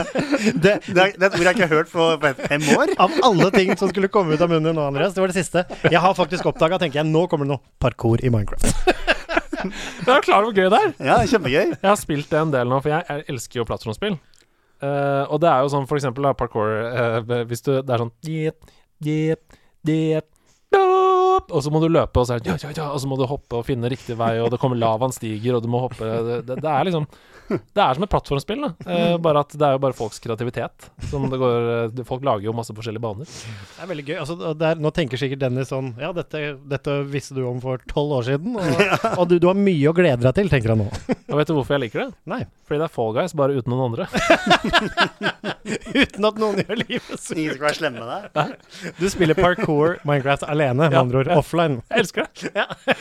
Eneste måten jeg kan dø, er hvis jeg personlig gjør noe feil. Og det kan jeg leve godt med. Ja. Du har aldri vært noe utprega PVP-mann, bortsett fra i Overwatch, da. Ja, Bortsett fra i Overwatch. eh, Du vet jo at vi har hatt våre diskusjoner om Destiny 2 PVP, f.eks. Det har vi. Hei, kjære spiller på nerdelandslaget. Hei, hei! Det er jo en glede for oss å fortelle dere at vi har inngått et samarbeid med selveste Visa. Hæ? Hæ? Visa har jo på en måte alltid vært der, det er jo noe vi forholder oss til, og bruker hver eneste dag. Ja, altså det har jo fulgt oss hele livet, og jeg husker veldig godt hvor stas det var da jeg fikk mitt aller første visakort. Det var både stort og viktig. Foreldrene våre de var opptatt av å lære oss til å være forsiktige, behandle det på en ordentlig måte. Det var en trygghet på en måte å betale med Visa. Men det er veldig mye som har forandret seg siden den gangen, spesielt siden netthandel har fått en enorm oppblomstring, med mange flere ulike måter å betale på. Og det som er interessant, det er jo at statistikk viser oss at Gen Z de har tre ganger så stor sannsynlighet til å bli utsatt for økonomisk svindel online enn oss som er boomers. Hæ? Er ikke det overraskende? Altså, det er jo det som gjør at det er veldig viktig at vi kommer tilbake til den der safe shopping mode-følelsen som Visa gir. Fordi altså uansett om du bruker Visa til å betale eh, på nett, eller på mobilen, eller i butikken, eller på ferie i utlandet osv., så, videre, så gir jo Visa deg eh, beskyttelse og sikkerhet. Det er helt riktig. Visa de overvåker, de oppdager svindel veldig tidlig, fordi de hele tiden er ganske langt framme i skoen med verktøy og teknologi som spiller på lag med oss, og det er trygt og fint. Ja, har, altså, har, har, du for eksempel, har du et eksempel på en gang du har opplevd noe utrygt med netthandelen? netthandel? Ja, det tror jeg egentlig nesten alle har. Det er litt vanskelig å unngå i 2024. Det er derfor det er så fint å vite da, at man er trygg med Visa. Jeg har handla på nett fra hele verden. Oh la la! Oh, se på han, han handler på hele internett. Og kortinformasjonen min ble lika fra en internasjonal nettside i 2019. Oi. Jeg hadde kjøpt noen sånne retro fotballdrakter. Eh, og i tiden etter det så begynte sånne små beløp å bli trukket fra kontoen min. Selvfølgelig da, for at jeg ikke skulle tenke over det. Så, Ja, ja. 19 kroner her og 39 kroner der og sånn. Men fordi jeg hadde betalt med Visa den gangen, så var det null problem å få ordnet opp i det med banken. Jeg fikk tilbake alle pengene, kortet ble sletta, og jeg fikk nytt kort. Og Visa vil jo da veldig gjerne informere dere, altså spillerne på laget, at de oppfordrer til å bruke Visa via mobilbetaling ved fysisk handel eh, i butikk. Og hvis du har mulighet til å da eh, legge inn kortet på telefonen din. Og når det kommer til online-betalinger, så anbefaler de å bruke Visa-kortet som normalt. Altså bare legge inn informasjon. Ja, og Poenget med å snakke om det her Det er å understreke for alle dere som hører på, at dere er beskytta mot svindel når dere bruker visakort. Dersom noen bruker ditt visa til uautoriserte online-betalinger gjennom hacking, eller hvis du rett og slett bare fysisk mister eller får stjålet kortet ditt, så står ikke du ansvarlig pga. Visa sitt Zero Liability-program. Så du er beskytta hvis visakortet ditt misbrukes, både online og offline. Og det er veldig digg å vite. Ja, Kjempedigg. Helt enig. Altså, selv om verden føles litt utrygg i 2024, så er du i hvert fall trygg når du bruker Visa til å betale. Enkelte begrensninger til Visa Zero Liability Program gjelder. Les mer på visa.no, eller kontakt din bank for å lære mer om hvilke vilkår som gjelder for din avtale. Det er så gøy å ha deg her, Dennis. Dette showet har så vidt begynt å rulle. La oss hoppe videre til min favorittspalte. Ha med, ha med dag, Hey, hey. Ha med, ha med dag. Ha med ting etter ditt behag. For det er ha med dag. Dennis Vareide, hva har du med til oss? Dennis Vareide, har du tatt med deg noe fra Hønefoss? Eller har du tatt med deg noe fra Moss? Eller har du tatt med deg noe fra Rogaland? Det er ikke et fylke lenger, nå heter det Innlandet, tror jeg. Eller heter det Vestfold og Telemark? Jeg vet ikke, Seb. Nå lurer jeg skikkelig på hva Dennis har med seg på seg sin. Mon tro om det er et airwheel eller kanskje olje til knærne. Vi får vente og se, vi får smøre oss med tålmodighet. Nå skal vi slutte å synge og finne ut hva han har med seg. Fordi det er havet, det er havet dag. Wow! Jeg ble helt satt ut der, jeg. At du tok det her live? Jeg ble sjokkert. Jeg trodde det var, at det var en lydklipp, men så så jeg at du sang med full hals, og så var det nynning i bakgrunnen her òg. Det er en del koring. Vi møtes gjerne et par-tre-fire ganger i uka og øver inn disse tingene. Sånn har det blitt. Ja, sterkt. Dennis Vareide, hva har du valgt å ha med deg på Hamedagen? Du, Jeg har tatt med flere ting, faktisk. Fordi uh, Litt kjipt, fordi jeg har flytta veldig mye de siste fem åra. Ja. Og det blir jo, da ender det opp med å kaste litt for mye ting. Det er jeg litt lei meg Nei, for. det må du bare aldri Til de som vurderer å flytte og kaste ting, du kommer til å angre på det om ti år. Ja, hvis du ser i boden og tenker 'den der trenger jeg ikke', den har vært i boden i fem år. Ta det med videre. Putt, putt det videre i boden, fordi det er mye jeg savner nå. Fordi det har bare liksom vært i bod til bod til bod. Ja. Og så er det, nei, jeg gidder ikke det der nå. Og en eller annen gang i fremtiden så kommer du til å ha et hus, og der har du plass. Altså, Der jeg vil anbefale folk bare å skaffe seg en bod du kan flytte rundt generelt. Altså, Mamma og pappa heter det. Er det det samme som en bod du kan flytte rundt? Eventuelt en campingvogn, da. Ja, ja. Nei, så da, og jeg har jo hatt både Pokémon-kort og Pokémon Blå og sånn, men det har jeg solgt eh, på Finn. Diverse flyttinger. For det skjønte jeg, det gidder jeg ikke å kaste. Jeg bare selger det. Men jeg har alltid hatt en boks, en eh, skoeske, med gamle minner, mye sånn skolebilder og sånn. Ja. Så jeg tenkte jeg må jo finne noe, så jeg leita litt der, og der fant jeg et par ting. Oi, nå er jeg spent. Han Jeg vet en, ikke, jeg vet ikke hvor imponerende det er. da. er det en Coop Megapose, da? Ja, det første er et bilde, signert. Oi! Signert Oi ja, det er meg og Preben før Prebz og Dennis. Oi, fra Minecon! Minecon 2012. Åh, send det rundt. Se på lille Dennis. Se hvor bleik han er. Du ser jo ut som om du ut har spilt mye dataspill. og ikke sett så mye sol. Det ser også ut som du aldri har spist et protein. ja, men det var veldig tynt før. Se på Se på han, du! Mm, Det er nesten så det ikke er godt å se at det er deg. jeg veit det. Uh, han fyren der har spilt mye TV-spill, ja. Ja. Men han er i ferd med å oppdage solen. Ja, Men det er jo, dette er jo vakkert. Minecon, for en nydelig bakgrunn. Uh, Det er altså i Paris. Jeg veit ikke hvorfor jeg er signert. Jeg tror, jeg tror vi akkurat starta Prebz Dennis, så vi skulle gi det bort eller noe. Wow, dere var altså på Minecon i Paris. Så nydelig Mm. bakgrunn. Det er altså Minecraft-trær, det er en bikkje i bakgrunnen. Det er et lite fjell der. Dette skal vi ta bilde av og få lagt ut. Jeg skal gjøre det med en gang. Ja, ja, det er rett og slett uh, Prebz og Dennis i Minecraft. Oh, det, er, det, det, det er bra ha med-dag. Det, det er bra, Den går rett inn i ha med og fame, som vi kaller det. Ham og fame. Men du har mer i posen, du? Ja, fordi når man går inn i en gammel skoeske man ikke har åpnet på mange år, så finner man andre rare ting man har tatt vare på, som ikke har garantert kasta eller funnet et annet sted. Mhm. Men her det her jeg, jeg veit ikke verdien på det, så det må jeg finne ut av. Eh, Men det er et Spiderman på norsk, da. Fra 1999. Nummer én. Det første. Spiderman-bladet på norsk. Jeg vet ikke, jeg har ikke peiling. Skal vi se. Og der her er pakka ned plast for da ti år siden. Det som er Sikkert. fantastisk, er at vi har med oss Sebastian Brunestad her, for han er jo en collector. Hvis du sier til meg nå at den er verdt en million, så blir jeg veldig glad. Men eh, Da avslutter vi episoden Det der er ikke verdt mer enn 15 kroner, Dennis, så jeg kan kjøpe det for 20 her og nå. det sier han, vet du. Det jeg, skal, sier han nå. Det jeg, skal, nå. jeg, skal google, jeg skal google nå. Nei. Jeg tror ikke det er sånn ekstremverdi på det, men det er veldig kult å ha, da. Det er veldig fint, og det er altså da eh, Nytt blad, står det i utropstegn, så jeg tror det er det første. Det er altså på norsk, og på baksiden så står det altså 'Puser'. Sprø humor fra en sprø katt. Og så er det puser som biter på en datamus. eh. Kan jeg få se coveret bare kjapt? Skal Ja. jeg se om jeg finner eh, Nummer 1 1999. Riktig. Nummer 1 1999. Her er det. Uh, nummer 1 1999 uh, i Spiderman. Kvalitet greit.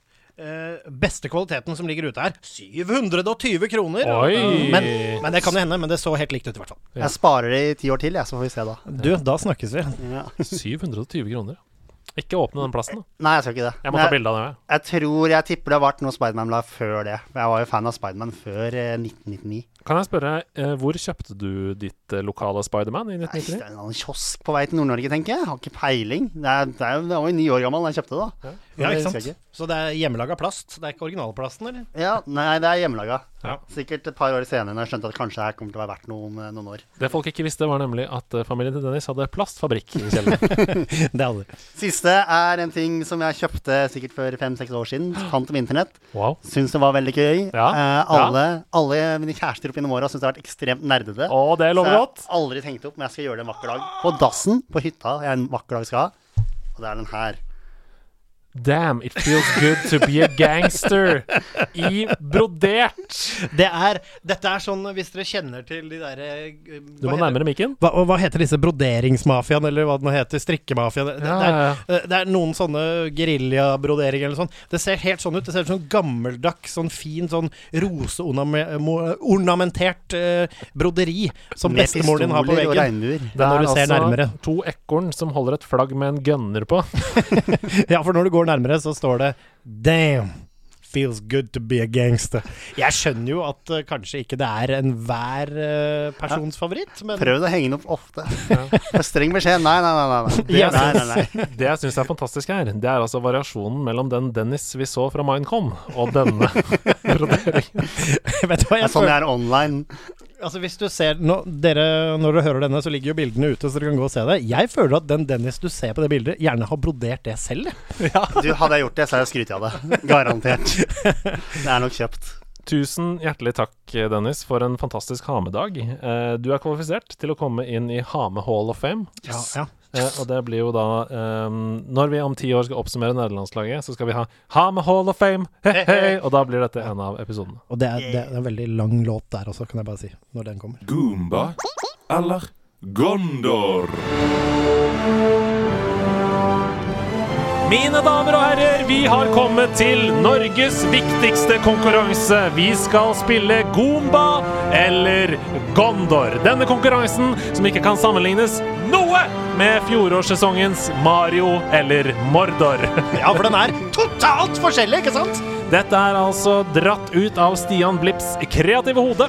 Det var en slags hevn på Andreas Hedemanns konkurranse Mario Mario eller Mordor. Men i dag er ikke Stian her, så jeg har adaptert hans konkurranse og bader nå i Goomba Gondors univers og regler. Og nå er Stian svett hjemme. Nå, nå er han nesten på vei, det kjenner jeg. For nå er han redd for at du skal spolere denne totalt nyskapte, nyskapte konkurransen etter programmet. Kan jeg bare avbryte veldig kjapt der pga. Ringenes herre-sangen? Jeg satt og så på en video før jeg kom, som er ni timer lang på YouTube. Der en fyr har klippa Ringenes herre, første. Men hver gang Sam går ett skritt, så sier han 'This is the farthest I've ever been'.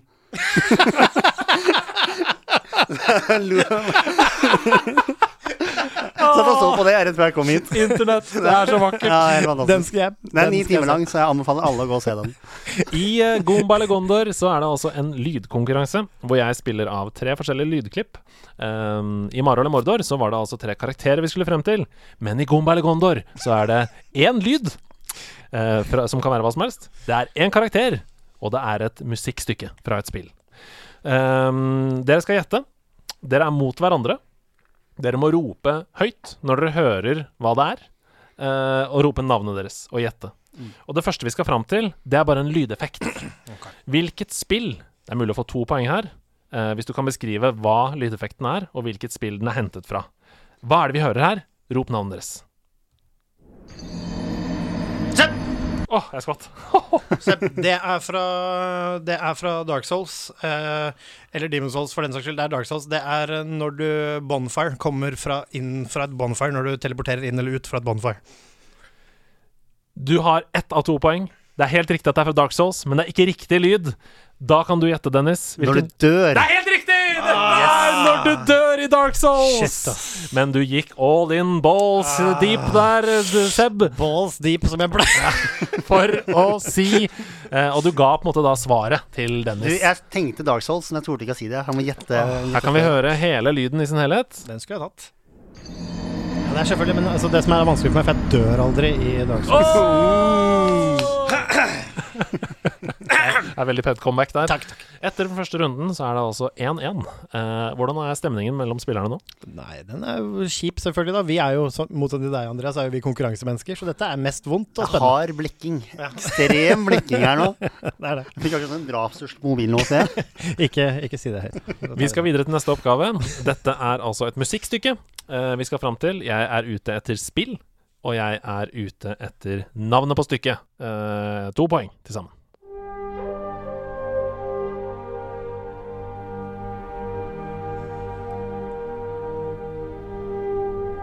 Jeg har hørt det før, i hvert fall. Tror jeg.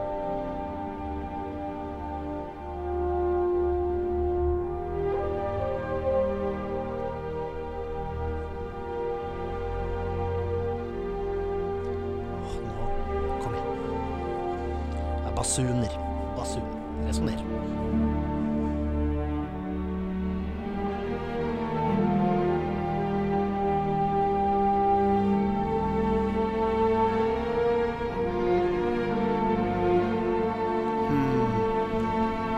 Det er jo fryktelig vakkert, da.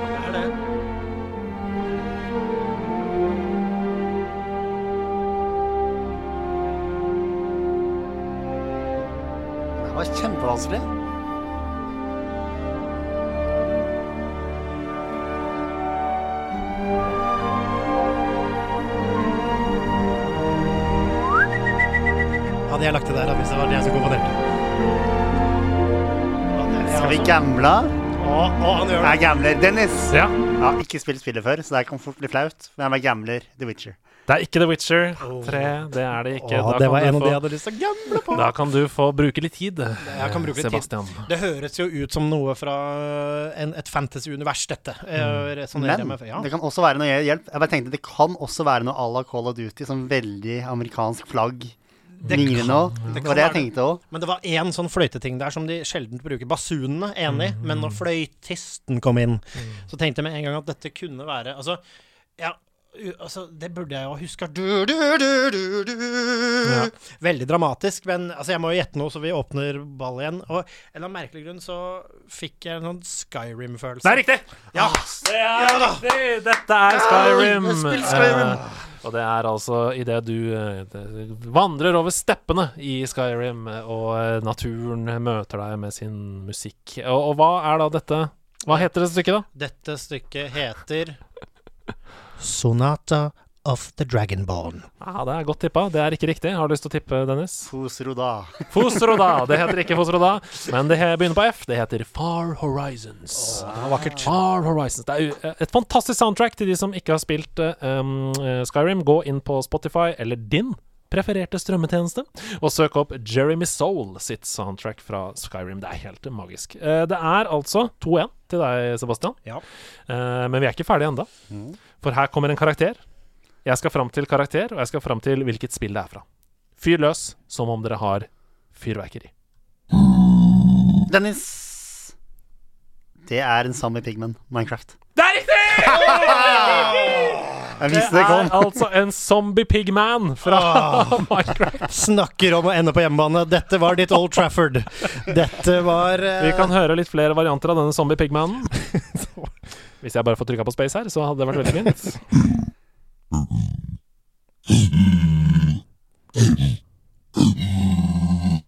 ja, Den hadde jeg ikke Vet du hva, den hadde jeg rett og slett ikke tatt, så det er, eh, det er uh, bra Men jobba. det er jo ikke over enda. For nå leder jo altså du 3-2, Dennis.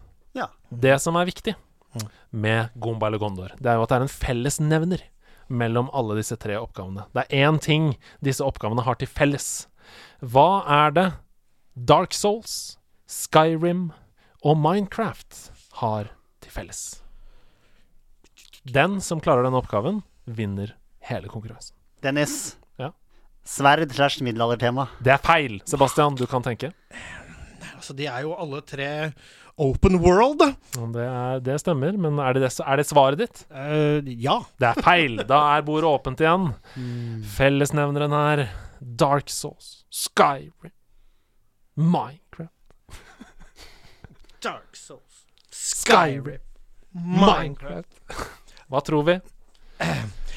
De, Sebastian, Ja. de har alle tostavelsers navn! Nei! Jeg prøvde ikke å hinte, men denne måten å si spillene på, det gjorde jeg ikke. Ai, ai, ai. Men det er jo noe som kanskje ett av disse spillene spesielt er kjent for, da, men som det går igjen i alle tre. Ja, Seb! Ja. De er alle RPG-er. Oi, ja, ja. De er alle rollespillelementer. Ja, altså, det, det, er, det kan stemme, men det er ikke det. Dennis. Ja. De er alle drager. Ja! Yes! Yes! Skyrim har drager, det er End the Dragon i Minecraft, og du kjenner jo så godt til dragen i Dark Souls at Jeg gjør det er helt her. utrolig. Altså, vet du hva? Jeg er eh, Jeg må bare ta med hatten her. Her tapte jeg for en bedre spiller. Men dette er ikke Mario eller Mordor, så der er jeg fortsatt ubeseiret. Tusen hjertelig takk for at dere deltok i Goomba, eller Gondor, denne nye oppfølgeren til Mario eller Mordor som Stian har klekt ut fra sitt eget hode. Jeg savner Mario eller Mordor, jeg, så det må jeg bare Så jeg er her første gang min konkurransen har vært? Nei, det er det ikke. Ah, fuck. Men- ah, jeg trodde jeg var verdensmester! Men Det er første gang Sebastian har tapt. Ah, ja. Det er ingen som har slått meg i noen konkurranse i noen noen gang så lenge jeg har levd. Men nå har du funnet din nemesis. Vi skal videre, og jeg er veldig glad for at dere nå skal være på lag. Bue og pil, men ingen jeger. Et lys i det fjerne, men ingen lanterne. The cake is alive. Spretter ved suksess. Kojima-koden. Det stemmer. Vi skal spille Kojima-koden her i Nerdelandslaget. Uh, Fy søren, dette har blitt en veldig bra podkast. Altså, vet, du hva? Altså, Kojima-koden Jeg er jo en ivrig lytter også, så når Kojima-koden kommer på banen, da nå koser jeg meg. Dette Ja. jeg gledet meg til å delta i. Kojima-koden er altså en konkurranse hvor jeg har maskert et spill i en slags rebus. Um, og dere skal jobbe sammen for å komme fram til hvilket spill det er jeg prøver å gjemme i en slags Hidio Kojima-aktig skrudd kode. Akkurat sånn ler Hidio også, hjemme. Sånn ler han. Um, her kommer den første koden. Uh, prøv å jobbe sammen. Okay. Her er det ikke om å gjøre å være først, eller bare prøv å tenke litt sammen. Kunnskap er makt, men vær rask for å vinne. En mann i rød drakt på scenen skal skinne. I ru- Scenen Jeg tipper scenen er, en sånn, det, er, det er maskert i noe annet. Kunnskap er makt. Mm. Vi må vite noe. Altså, du må tilegne kunnskap, men vær rask. En gang til. En gang til. Kunnskap er makt, men vær rask for å vinne. En mann i rød drakt på scenen skal skinne. Så jeg tenker sånne familieshows, jeg nå. Ja, det er, vel, det er vel et spill. Ja. Ja, altså Kunnskap er makt, men vær rask. Der føler jeg det ligger mye. Altså at du må liksom Det Å, Quiz. Å, Ja, altså det, det høres ut som eh, altså, Når han sier det der, så tenker jeg bare gameshows med en gang. Men det er et spill, så det må være kanskje noe et spill som har henta inspirasjon fra klassiske gameshows. da Ja, det kan Ja, absolutt. Absolutt. Uh, at vi er på rød drakt. det er Altså, det. klassisk gameshow. Altså, men vær rask. Altså, hva, du må være rask. Du må tilegne deg kunnskap. Du må være rask. Det er en mann i rød drakt som på scenen skal skinne. Hmm. En mann i rød drakt. Hvem er en mann i rød drakt, da? Skal vi dra det dit? Spiderman. Ja, Han han skal vil ikke være på noen scene og skinne, han. vet. Nei, er ikke skal han ha neighborhood. Ja, nei, ikke skal han ha noe kunnskap heller. Iron Man. Jeg er veldig imponert over dere. altså Dere er utrolig gode nå. Det må jeg si. Å ja, vi er, å ja, vi er på sporet. Iron Man, han har lyst til å skinne. Han har Dere, mye dere var på kunnskap. sporet før dere sa Spiderman. Det- Ok, vi er Ok, vi var gameshow-greia, da. Ja, ikke Ja. sant? Eh, Quiz.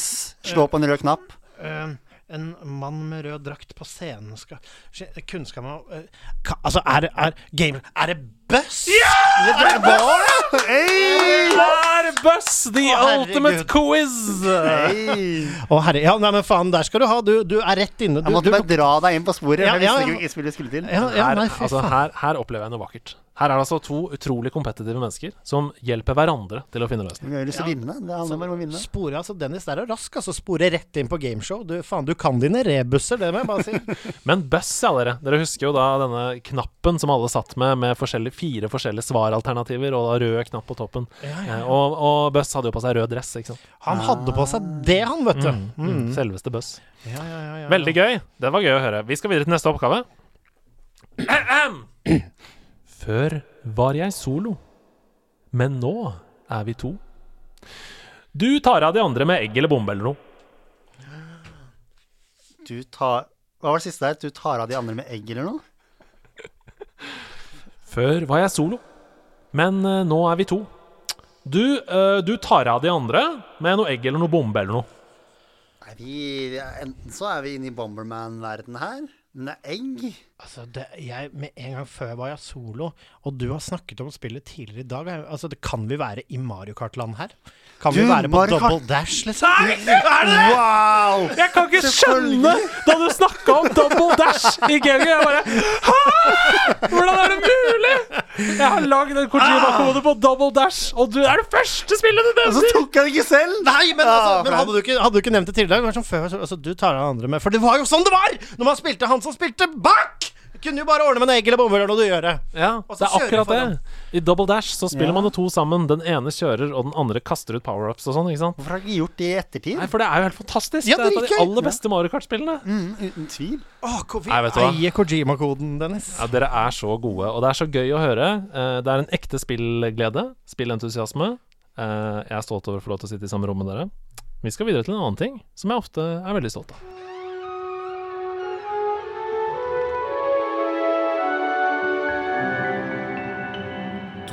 Troféskapet.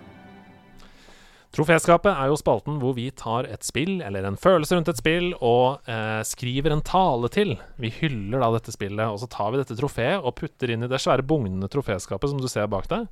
Der er eh, blant annet eh, Ocarina of Time-ocarinaen står der. Men det er også en kasse-TV eh, fra da jeg snakket om å se på andre spille, som også er en uh, ting man gjør eh, i gaming.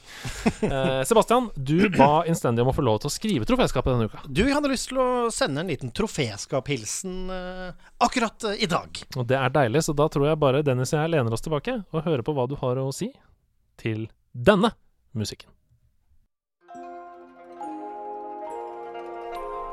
Noen ganger kommer det et spill som treffer akkurat deg. Et spill som på ingen måte er det beste spillet du har spilt, men som allikevel blåser deg av banen. En av disse for meg utspiller seg på en øy utenfor Japans fastland, hvor en ganske stoisk og nedpå type var i ferd med å få livet snudd på huet av en gjeng hissige mongolere.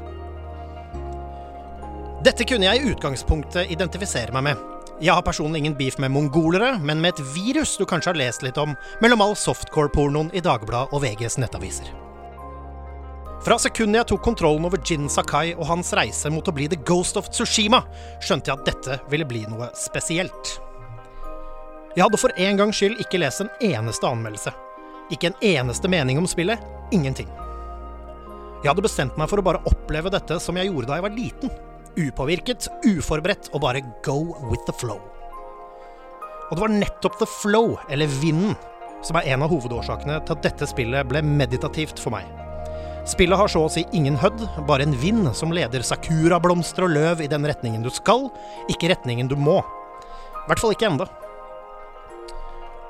Når man legger til at en Parry Dodge Swordplay Soulsborne junkie de luxe som meg til og med blir tilfredsstilt så til de grader på combat-fronten, ligger alt til rette for et fantastisk eventyr.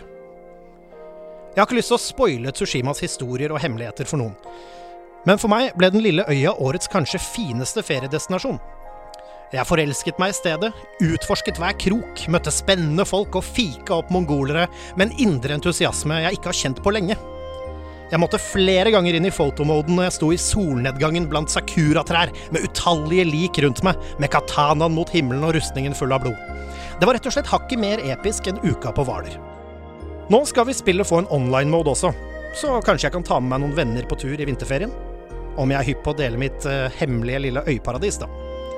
Noen ganger treffer et spill. Og kanskje er ikke Ghost of Tsushima perfekt, men jeg kunne ikke gitt mer faen i det, for jeg ble tatt av vinden.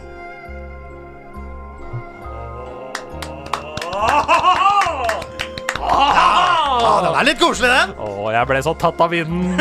En rolig tåre her. Å, å, En å, jeg rolig ser det. tåre, en Jeg rolig ser det. tåre. Jeg ser det. Presser seg fram. Den, den, den drypper ned kinnet ditt. Du gleder har aldri vært meg. mer sympatisk.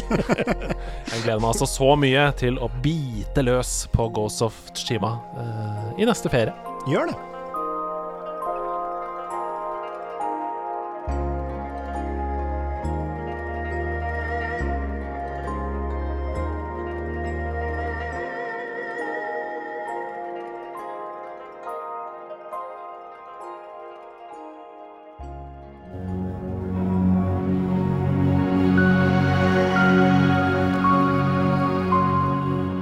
Det store spørsmålet fra Opp Ned Kors. Der er han! roper de rasende landsbyfolkene mens de stormer etter deg med høygaflene sine. Hvorfor gjør de dette, dette mot meg? tenker du når du løper for livet over jordet. Var det virkelig så ille sagt av meg? Var det så kontroversielt? Du hører ropene komme nærmere og nærmere. En låve syns langt i det fjerne. Kanskje jeg vil være trygg der. Du kommer deg inn og får stengt låvedøren i grevens tid. Den illsinte mobben hamrer og hakker på døra mens du tenker for deg selv. Kan det virkelig være så galt, det jeg sa? Hva er deres gaming-brannfakkel?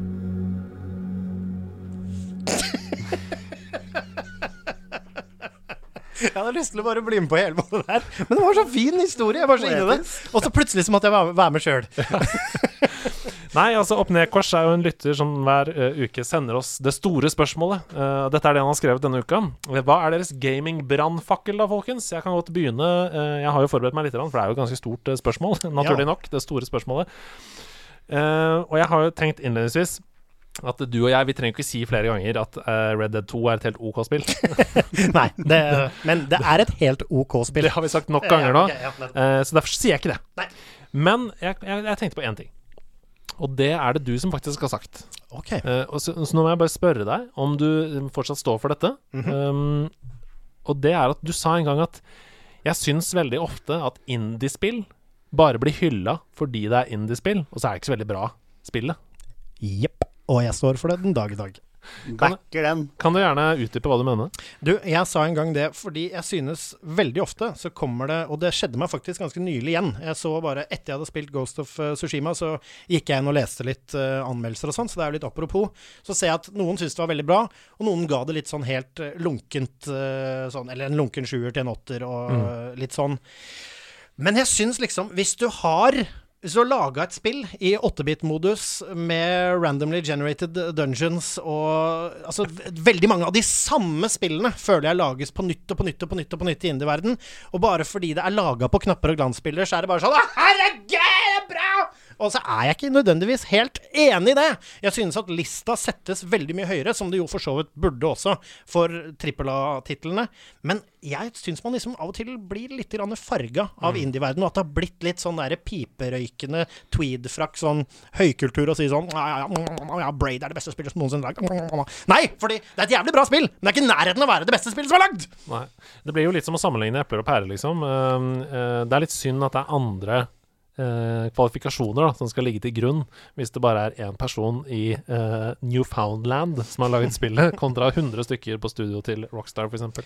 Ja, helt klart. Og, og, men, men igjen, jeg, jeg synes, dette gjelder jo selvfølgelig ikke alle indiespill. Det finnes jo noen helt fantastiske indiespill der ute. Det er ikke ikke det jeg sier. Jeg sier bare at det er Jeg syns det kommer sjeldent et indiespill i våre dager som ikke får relativt høy score. Ja. Og uten at jeg nødvendigvis kommer på en culprit nå med en gang, men jeg skal tenke litt. Ja. Men så er det flere ganger jeg ser toppscore på et spill og tenker 'dette må jeg spille', og så spiller jeg det og tenker sånn Det var helt Ja. greit. Ja. Det var helt greit. Ja.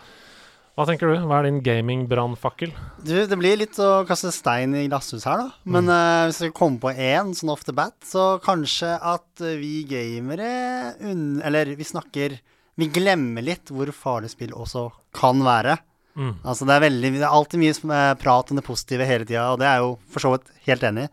Men det er jo eh, fremdeles eh, lett å bli avhengig av noen spill noen ganger. Og det tror jeg fort blir glemt av gamere, da. Og igjen forsnakka for mye om blant ikke-gamere. Ja. Vi må ikke glemme det, vi òg. Nei, det er viktig, og det er jo flere spill som helt um, på en måte ondskapsfullt da, appellerer til avhengighetsgenet. Mye gambling-elementer. Ja, eksempel. Gambling-elementer, blinkende lys, eh, mikrotransaksjoner eh, som gir deg følelsen av at nå, hvis jeg bare bruker seks kroner nå, så blir det kjempegøy. Så blir det kjempegøy i ti minutter, og så mister du rusen. Litt som narkotika. Ja, altså spillene våre er Og det syns jeg kanskje er det farligste. Man har jo den, eh, den avhengigheten, fordi spill kan gi deg trøst, det kan gi deg ja, venner. glemmer Altså hvis du har mye problemer i hverdagen, da. Gjerne Ja. for unge, spesielt gutter, da, men gutter og jenter, da. At du liksom er OK, jeg bare vet du hva, jeg sitter bare og gamer hele natta, og så driter jeg i hva enn som skjer i livet mitt, da. Ja, absolutt. Og det er jo også Men der syns jeg også at det er, det er veldig viktig å tenke på at spillene liksom Er spillet en sunn escapism, eller er det en escapism du nå gjør fordi du føler at du ikke har noe annet? Jeg synes både og. Det er jo mange steder hvor du kan komme inn i communities, man snakker jo mye om det, med veldig mange bra ålreite folk, og du kan komme inn i ganske mye toxic. Så det er absolutt noe som man må tenke på, spesielt kanskje for foreldre, men også liksom etter hvert som man blir eldre. At man blir jo, kan bli sittende i et ekkokammer av følelser og dritt hvis du ender opp eh, feil sted. Ja. Man må huske å spille for å ha det gøy, ikke for å glemme konstant. da. Ja, altså det, som sagt, av og til spiller jeg også for å glemme hverdagens kjas og mas, men det er viktig av og til å komme på hverdagens kjas og mas, for uh, det er jo kjas og maset som gjør at vi kjøper oss privilegiet å kunne spille. Ja, dessuten så er det jo tross alt sånn at hverdagen er jo 80% av livet, på en måte. Så eh, i hvert fall, hvert fall halvparten. Uh, Så hvis man ikke trives i hverdagen, så er det viktig å ta tak i det, da, først, tenker jeg. Og så tror jeg ofte det kan være en sånn greie som man kan oppfordre folk til, hvis man kjenner noen. Altså vi har, jeg har vært der litt sjæl og kjenner flere opp igjennom som i spill som World of Warcraft f.eks. har blitt helt lost. Strekke ut en lab, og hvis du har en i communityet ditt eller whatever som du merker at ja, er online klokka rundt, og du merker at dette kanskje er litt usunt, inviter de med på en tur i park, da vel! Ta en kaffekopp! Um, jeg satt og tenkte litt på dette her, jeg også. Og så tenkte jeg sånn uh, Jeg har ikke lyst til å liksom Ja, brannfakkel, da må det jo gjerne bare være Det er så dumt å si sånn jeg liker ikke det Og så er det sånn OK, det er, det er ikke så brannfakkel. Så jeg prøvde liksom å tenke ordentlig etter, da. Og da har jeg ikke lyst til å ta spill, eller spillskjerm, men jeg har lyst til å ta gamere litt. Og det er en skikkelig brannfakkel, uh, føler jeg. Men en tendens som jeg syns går igjen mer og mer uh, de siste årene, det er at gamere får kortere og kortere tålmodighet. Um, generelt. Og, og det kan godt hende at det er spill selv sin feil. Fordi spill som designes nå, litt som vi snakker om nå, det skal jo gi instant liksom, endorfin med en gang. Se på Call of Duty Warzone, se på liksom, Battle Royale-sjangeren i seg selv. Du skal bare et, Fem minutter etter at du har skrudd på, så skal du gjerne være dritgira med høy adrenalin. Da. Um, og da syns jeg at vi gamere generelt kan skjerpe oss litt på akkurat på det punktet der. Uh, bare legg vekk mobilen, liksom, når du spiller. Spill på én skjerm. Lukk Discord på den andre. Fokuser på det du driver med, og gi spillet liksom tid. Uh, tenker jeg da. Pust med mage. Det er altfor mange spill som folk liksom bare slenger til side. Som ah, 'det var skuffende', eller 'det var ræva', det spillet. Uten at de har gitt det en ordentlig sjanse, fordi kanskje pacingen er litt slow i starten. Um, og da kan man si sånn uh, ja, la folk spille som de vil, da. Uh, kanskje folk trenger den endorfinrusen med en gang. Nei, det syns jeg ikke. Jeg syns ikke jeg skal la folk spille som de vil. fordi fordi eh, det kan føre til at spillindustrien ser Ok, det er de spillene som selger. De som gir deg endorfinrus med en gang, det er de som selger. Og så mister jeg alle de spillopplevelsene som jeg vil ha. Og så blir spill dummere og dummere uten noe mer bånd, bare fordi de skal appellere til overfladisk glede med én eneste gang. Så det var min uh, også, s- altså Det er jo litt viktig også, for det der, det der speiler alle samfunnets eh, kriker og kroker. Altså Man kan ta en mat Altså sammenligne med mat. da Mm. Det er sånn Mækkern er digg. Eh, det smaker godt i magaposen, men det er ikke bra med bare Mækkern. Altså Selv om Mækkern er digg, så betyr ikke det at ikke hjorteskav laga i nedgravd askehaug med tyttebærragu Det er også godt! Ja, det bare tar litt lengre tid å lage. Ja, det tar litt lengre tid å lage, men når du først får i deg det, så er det helt fortreffelig nydelig. Og apropos tålmodighet, det gjelder også i online communities. Husk at du en gang var noob sjæl. dette tar jeg selvkritikk på også. Jeg husker mine første raids i Destiny, f.eks. Hvordan jeg ble skjerpa av hyggelige folk som hadde tålmodighet med meg når jeg sugde og ikke visste hva jeg skulle gjøre. Nå er jeg av og til på kveldene han irriterte som sier Åh, bare lær deg å altså bare sjekk. Dette kan du løse om på forhånd. Uh, ok, greit. lær kan mechanics ja, ja. Og så blir jeg han, og så skammer jeg meg timevis etterpå. Sånne skal ikke vi være. Vi skal være hyggelige. Gamerne. Vi er de blide gutta. Og jentene. Kan jeg komme med Fall Guys-tips nummer tre? Som er inne på det temaet her, med gamere med dårlig tålmodighet. De er også veldig flinke til å gi opp. Ja. Og det kan du bruke i Fall Guys. For i alle lagspilla Folk prøver alltid å vinne for laget ditt. Det er ikke det du må gjøre. Du må finne det. det er jo tre lag vanligvis. Gå til det laget som taper, og sørg for at de taper enda hardere, for da gir de opp hver eneste gang. Og det funker. I det eggspillet, i det ballspillet. Dette ble, dette ble surmaga på slutten. Da vil jeg gjerne kontre, Dennis. Det funker hver gang. Ja, men altså, jeg vil, det destruktive Dennis kommer her, vil gjerne kontre med Bli hos laget ditt, hold humøret oppe. Ingenting smaker bedre enn en clutch. Bruk tålmodigheten mot dem. Hva står det på kokktavlen?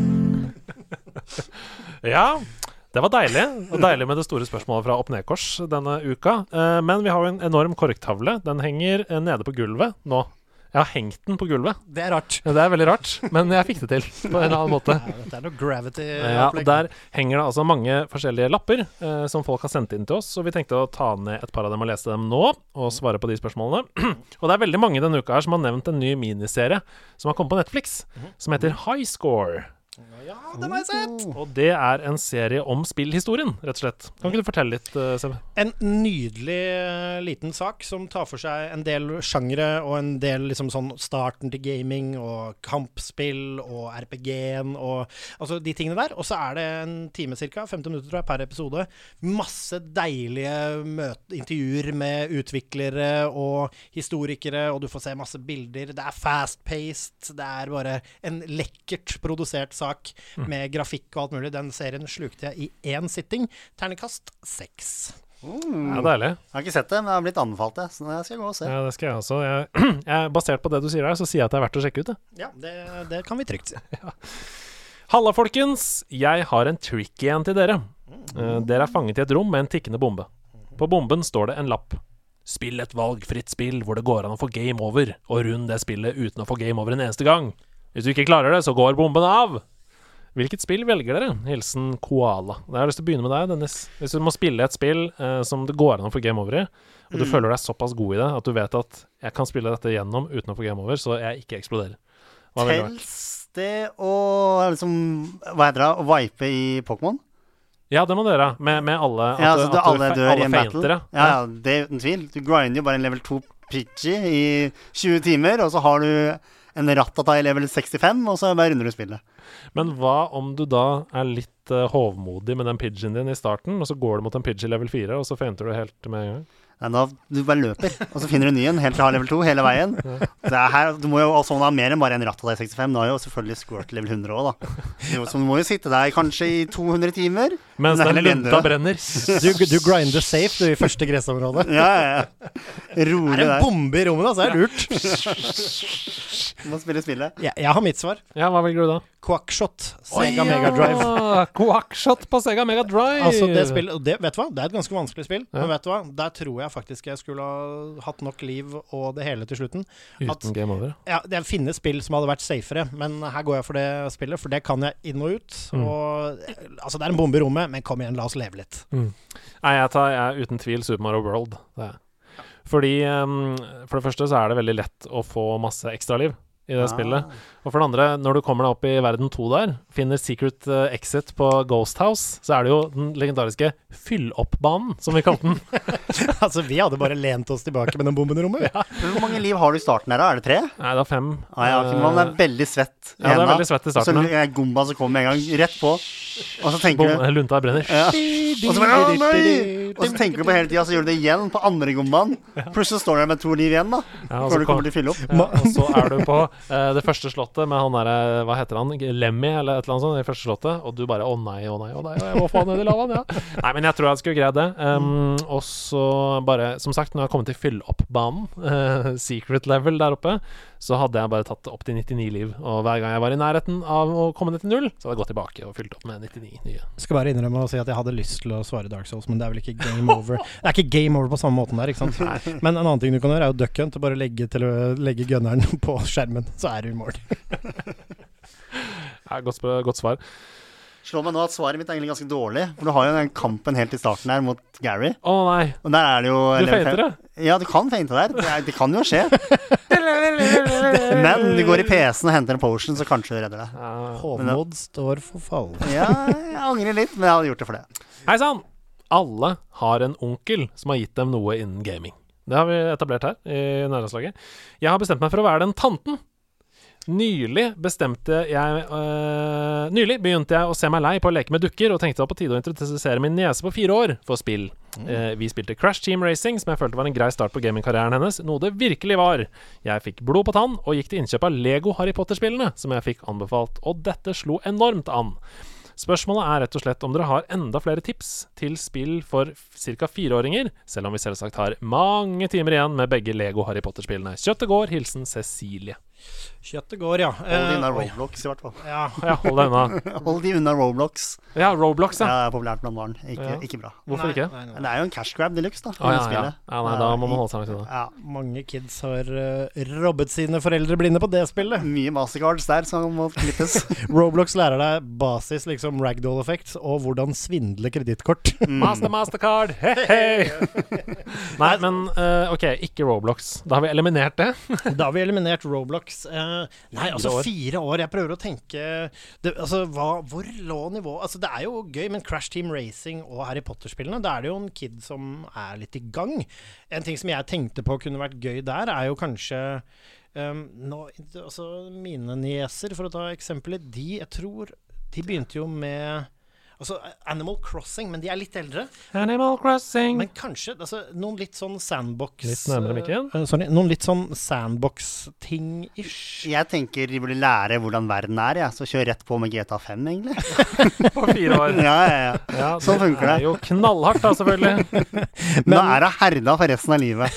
Men kanskje Men, men hva med Hva med noe Super Mario, noe Sonic, noe Jeg prøver å finne, fordi jeg har Jeg vet om et plattformspill som veldig mange på discorden til nederlandslaget uh, har snakka mye om, og at de har brukt uh, sammen med barna sine. Hva er det de heter, da? Det er um, Det er noe sånn Kopp Nei, jeg husker ikke hva det heter. Jeg skal, jeg skal prøve å finne det mens oh, jeg vet! Jeg vet, jeg vet, jeg vet, jeg vet. Eh, Little Big Planet. Ja, det er nydelig. Det er en kjempegod eh, idé. For der kan, du, der kan du også spille sammen med kiden, eh, og så kan du laste ned masse content og baner som finnes, som er laget av andre brukere for barn. Så der kan du jo bare grow with the game. Smart. Det er jeg fornøyd med. Ja, det er, veldig, det er veldig bra. Jeg prøver desperat å finne dette spillet som Sneak har spilt mye med barna sine. Og som han sier, han er ikke, det er ikke sånn dritbra, men det er helt fantastiske plattformelementer, og det er veldig lett å skjønne kontrollen og sånn, så man forstår spill veldig tidlig. Jeg finner det ikke, så hvis du har lyst til å øh, få et godt svar, så kan du spørre Sneak, XNIX, inne på Discord. Eh, Men avslutningsvis så har jeg lyst til å si at eh, Rune Fjell Olsen, en veldig god venn av oss fra Level Up, han, eh, det første spillet han spilte med barna sine, det var rett og slett det første Super Mario, altså. Ja, men det er smart, da. Ja. Start tidlig. De har jo ikke noe referanser til grafikk, de. Nei, og så er det sånn alle de bra gamle. Det er utrolig lett, da. Det er venstre-høyre. Du hopper. Det er det, liksom. Eh, på aller første Super Mario Bros. på Nintendo, altså Nes. Eh, du kan jo kjøpe en Nes Mini, f.eks. Da har du jo masse spill som er lagd for den eh, type målgruppe. Ja, ja, og så har du jo den Altså, jeg hørte at Tony Hawk Han sendte vel ungene sine rett ut i halfpipen på noen skateboard når de var to. Så hvorfor ikke bare kjøre Super Meatboy da når du er i gang? Få litt talent inn i fingre, fingerspissene til nesene. Må jo tenke penger. Fortnite. Så du kan vinne VM med en gang. Vi begynner å tenke som mogule moguler med en gang. Men ja, mitt tips sånn helt seriøst, Little Big Planet, å bruke contentet som lages av brukere. Og nå er jeg så lykkelig, for nå kommer jeg på spillet! Til Sneak! Det er Paw Patrol. Paw Patrol, basert på uh, TV-serien som også går på NRK Super. Um, veldig barnevennlig, uh, veldig lett å lære, og figurer som sar- sannsynligvis vedkommende kjenner og elsker. Ja da. Vi går videre til siste spørsmålet. Hei sann, dere. Jeg lurte på hva er deres main i Super Smash Bros. Ultimate? Eh, hvis dere har et sterkere forhold til f.eks. Melee, så hva var deres main der? Og hvis dere har spilt Super Smash noen gang, da Har du spilt Super Smash? Mm. Ja. Men det er bare på sånn vorspiel. ja, Typ. perfekt. Ja, Eh, det er altså ingen utprega Smash Bros-spiller, men har spilt en del. Og min main er Kirby. Kirby, ja. Du er den typen. Jeg er den typen. Da går jeg bare. Gidder jeg ikke. Da går jeg på kjøkkenet. Men hvorfor er det Kirby, da? Nei, Han kan fly, han kan gjøre seg til stein. Han, hvis det er litt kaos, kan du bare ni, ni, ni, ni, opp i toppen her, og så Ja. bare shabang! Ja. Ned. Jeg liker Kirby. Han er en floaty, sneaky type. Hva med deg, da? De går for hardt slag, da. Så det er eh, Falcon Punch. Falcon Punch! Ja, ja. Ikke King Didi eller Nei, nei. Donkey Kong eller noe sånt? Nei, nei, det er bare én knapp, og så trykker du den hele tida. Faktisk, eh, Captain Falcon er faktisk min second favorite eh, character. Min er Shames, altså. Oh, ja. uh, For jeg, da jeg spilte veldig mye Smash 64 i storefri på ungdomsskolen, så likte jeg å gjøre meg om til pladum, en liten bombe pladum, som slipper ned. Pladum, pladum. Alle klikka på meg og syntes det var kjempeirriterende. Det var det jeg gjorde mest av alt. Pladum, bombe. Og så får man- tar man sånn 5% damage. Pladum. Og da er Dennis på kjøkkenet igjen. Gidder jeg ikke være. Jeg går hjem, jeg. Eh, til slutt, hva er deres syn på Nintendos fokus på online eller kompetitive tjenester? Ref. Smash Online og Smash-turneringer. Og dette er altså Ulrik som har sendt inn disse to spørsmålene. Du, det Tetris Ultimate, er det det heter? Er det beste de har laga på Switchen, ass. Tetris 99, tror jeg. Tetris 99, ja. Åh, Nok en gang. åh. Battle Royale! Jeg veit. Altså, gudfaren liker Tetris. Han har ikke likt Tetris før, men nå er det Battle Royale! Sitter og tenker Her lagde jeg, det er det eneste jeg tenker. Men eh, ja, du, det Tetris 99 er så gøy. Ja. Og i hvert fall når du vinner en gang og kommer opp og rykker opp de der røde greiene. Mm. Åh, det er jeg med liten, og da hører jeg, da hører jeg hjemme. Men, men for meg som altså, ikke er noe utprega god i Tetris, det er sånn jeg gjør meg forstått i Tetris også, men kan jeg plukke opp dette, eller er det liksom bare å bli piska? Aldri veien? god, men det var en lang og hard grind, og så blir du god etter hvert. Ja. Og det er eh, altså Det snukte jeg sikkert ti timer første tre dagene. Men, men for, å, for å svare på spørsmålet, så Mm. er jo For meg hviler det ingen tvil om at Nintendo henger ganske langt etter eh, når det kommer til online-tjenesten. De det, altså. de tar penger for uh, sin online-tjeneste, og jeg syns det vi får igjen, uh, ikke helt står i stil. Der hvor Xbox og PlayStation har monthly games, har mange Altså det er turneringer, det ting som skjer i spillene hele tiden, som utvikler de plattformene som er PVP, så syns jeg Nintendo Altså, deres konsoller er ikke default på internett engang når du skrur på konsollen, så det er de, de har jo tradisjonelt appellert til singleplayeren, til kids og de der, og der, der har de en, etter min mening, en ganske lang vei å gå. Men jeg tror det er en ganske sånn quick fix for dem hvis de ønsker å gjøre det, fordi den teknologien og den måten du gjør, gjør det på, ser du jo hos Xbox, PC og PlayStation. Så jeg tror det bare at de ikke har giddet ennå, for å være helt ærlig. Nei, de henger dessverre litt etter på online-biten, og jeg syns ikke den eh, At man betaler en månedlig sum for å være online, det er greit, for jeg skjønner at de må vedlikeholde server og sånne ting, men eh, på mange andre Altså Xbox så får du ganske mye med Xbox Live. Uh, PlayStation så får du jo uh, gratis spill med PlayStation Plus. På Nintendo så får du tilgang til en del gamle, litt kjipe porter av Nes Det er dårlig. Jeg ble så Super Nintendo-spill. skuffa når jeg så det. Ja. Å, jeg bare, oh, masse gamle klassikere, og så var det lite interessant her. Ja, fordi altså, de spillene i seg selv er jo gode spill, men jeg vil heller ha f.eks. Splatoon 2 gratis. Ja, ja. Bare for å teste spill som jeg ikke har spilt før, sånn som med Fall Guys på Altså, PlayStation Plus. Eller Gi meg SNES-katalogen dere har rettighetene på, så skal Ja. jeg være fornøyd med det, til og med. Er liksom hele greia. Men GameCube-katalogen. Det er liksom en dash. Ja, men, men det er akkurat det. det Altså, up det lite grann, da. Um, så kan vi prate sammen igjen. Online. Takk for, at- takk for Nei, at dere svarte på. Ja, for det kan man jo heller ikke. Nei. Man kan ikke spille sammen og prate med Discord Ja, det- eller ja, altså, hvor- Voice. altså, men altså, det er jo en konsoll mynta på barn i utgangspunktet, så kanskje det kan ligge noe der. At det liksom ikke skal være så voldsomt online, og så lett for folk å få tak i kidsa som koser seg med Switchen og sånn. Mm. Kan jo hende at det ligger noe parental guidance der. Men, herregud, lag nå en kode, så vi så, som er gamle nok til å være på nettet, kan være det, da. Ja, men er det det? Har du sett de reklamene? I hvert fall når Switch Lite kom. Det er jo bare masse ungdommer som går rundt og er hippe på skateparken med en Switch Light. Ja, det er nettopp det. Jeg tror nok de prøver på ungdommen, men Ja. det er jo men la meg forklare deg annet, litt om markedsføring. Det som er at det som ser ut som det appellerer til ungdommene, er det det er det 6-7-8-åringene liker. Og så På 80-tallet så var det jo alltid en kid som var sånn wow! Men du vet, vi er såpass gamle nå. Du vet de Dressmann-reklamene og sånn eh, med de der 70 år gamle mennene som ser uh, sexy ut. De er for oss. Det er mynta på oss. Jeg skal bare er gå og 70 år gamle menn som kjøper dressmann. Nå ble det en hard diskusjon her. jeg skal bare gå og hente meg et glass vann Ja. til den neste spalten. Men i mellomtiden syns jeg dere kan snakke om uh, hva deres vi- favorittspill på Switch er. Vi skal slåss. vi. Ok, nå blir det, ja, det er Battle Royale. Han får aldri nok. Hva er deres favorittspill på Switch, gutter?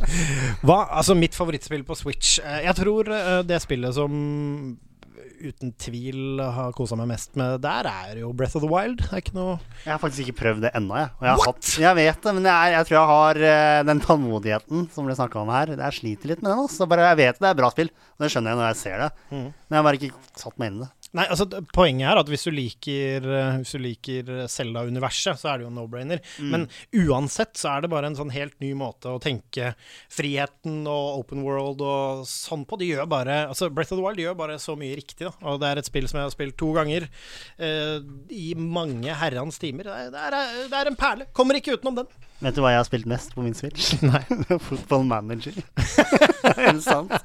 Mange, mange timer Football Manager på Switch. Jeg er så glad i football manager, ass. Hvilket er, lag tar du oftest i Champions League? Nei, altså, du må alltid Enten så går du for et topp championship-lag, eller så tar du et Premier League-lag som er, liksom, ligger og vaker litt. Du kan gjerne ta Wolves, for eksempel. Det er, det er litt utfordring og litt lett. for min del Laton Orient. For min del alltid Brentford. Det er sånn langt ned i league 2 og ja, ja. conference og sånn. Men jeg tar Jeg vet ikke, jeg, jeg er bare rett opp, jeg. Men det Jeg vil svi av budsjettet på én spiller. Men det verste er at når du sa det nå, så tenkte jeg Football manager på Switch, ja. Jo, men du har det håndholdt. Så hvis du er veldig glad i fotball, og har fotball på TV-en, så sitter du der. Og så, altså Football manager er i hvert fall narkotika. Men da tar du ut laderen, og så spiller du helt til batteriet går ut. Så er det Kan, ferdig. kan du og jeg lage liga da? Jeg vet ikke om det går på Switch. Men, det er jo, men, vi, men vi kan gjøre det på PC. De har samme mode på PC òg. Ja, ok, vi, vi, da snakkes vi der. Takk for at dere slo i hjel tiden mens jeg henta vann. Vi skal videre til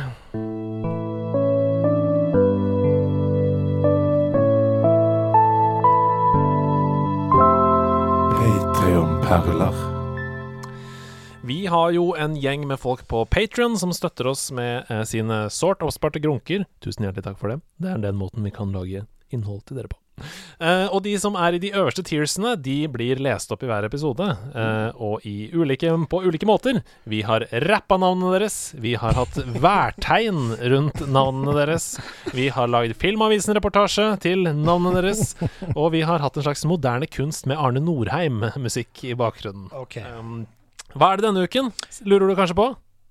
Eh, vel, det er en slags eh, uendelig reklamekampanje. ok. Er du lei av hullete sokker? Med Arthur Gulla strikkepinner er sokkene stoppet før du får stoppet sokkens hullutvikling. Børge Skardalbanen er nå åpen igjen etter å ha vært koronastengt. Stjel en bil og slå banerekorden. Sliter du med vonde ledd eller såre knehaser? Fyrst Biola krem virker linjene der du trenger det mest. Ikke nøl på hull 16 med den nye driveren fra Gunbar. Vi garanterer at du, om ikke annet, i hvert fall kommer til å spille golf. Du har ikke smakt varm kaffe før du har helt den fra en Henrik Apeland-termos. Det vil jeg ha. Brannsorganen? Ja takk. Trenger du Henrik Apeland-termos! Jeg tar det hele, kjøpmann! Trenger du en oppkvikker? Vel, nå er Herman Høgenes Kvinnslands egen energidrikk Kick Up på halv pris hos Free Record Shop.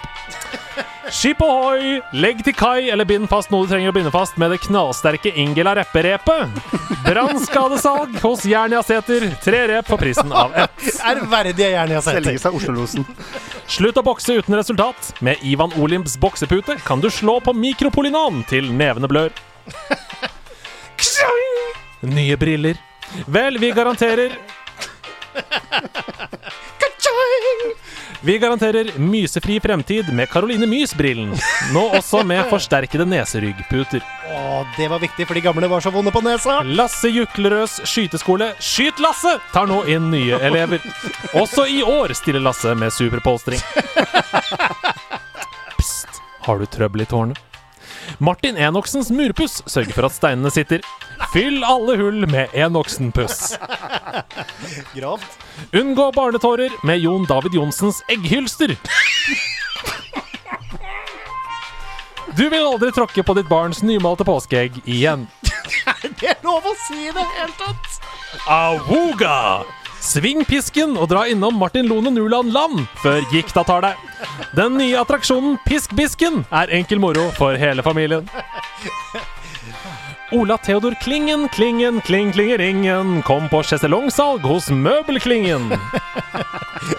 Vær sikker på at plenen er sådd som trøndersodd. Fjerde onsdagen i oktober har vi 30% på Ole Martin Bukong såtvettfrø hos Plantasjen. Ole, Ole Martin Bukong såtvettfrø. Nå har vi copyright-salg på alle varer hos Remvann 1000. Rask med deg bananer og bleier til spotpris før vi blir saksøkt. Har du det som skal til for å bli Ronny Mo i knærne? Nå har vi introduksjonstilbud på Mos danseskole. Verv en venn og få lov til å slutte helt gratis. Sambaen er løs. Og med samba mener jeg selvsagt skadedyr. Best å fange den med en Sigurd Gran-felle før huset synker i verdi. Og fella, den får du der feller fås. Har du noen gang sett en ordliste og tenkt 'nå hadde det smakt med lasagne'? I så fall trenger du Simon Folkfords nye bokstavlasagne, produsert av Knorr. Introduksjonstilbud til kun 10 kroner hos Remvann 1000. Go back! Og snipp, snapp, Snorre Martinsen, så er tilbudet Ja! Ja, ja, ja. Og snipp, snapp, Snorre Martinsen, så er tilbudet på Martinsen makrell utgått. Ikke vær en slapp fisk, skaff deg Snorre Martinsen makrell i din lokale fiskedisk. Tror du at fem minus fire blir null, så er Tobias Lone Nuland den privatlæreren du trenger. Ring 800 tallkluss 49 nå og få 36 del på 3% rabatt før klokken 37 minus 25 i kveld. Selv heter jeg Tore Dalaker, og jeg lager strikk som holder. Det er strikk, og 100 strikk koster 20 spenn. Åh, snipp, snapp, Snorre Martinsen. Det er bra. Dette er sterkt. Dette er sterkt dette er sterkt, Hedo. Det, nå er det rett inn å bli patron sjøl. Ja, det var det første jeg tenkte selv. Altså, jeg vil høre reklame av meg selv. Ja, hvor. Hvor mye tar du for eventer for hele bedrifter og sånn?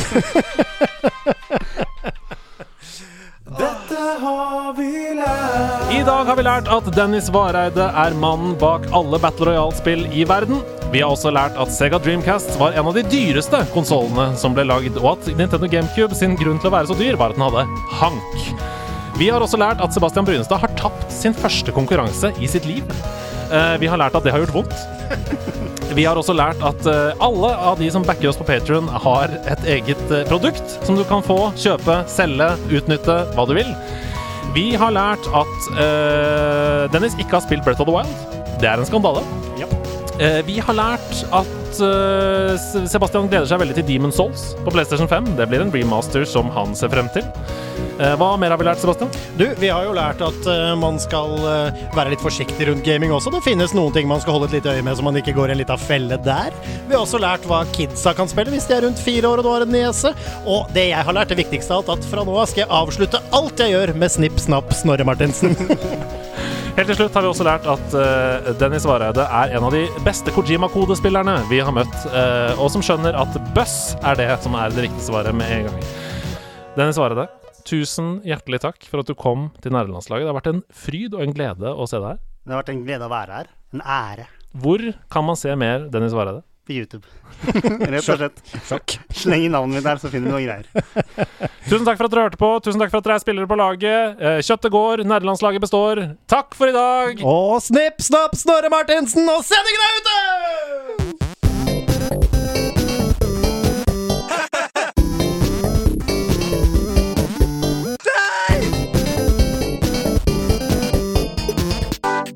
Nerdelandslaget. Den er gøy.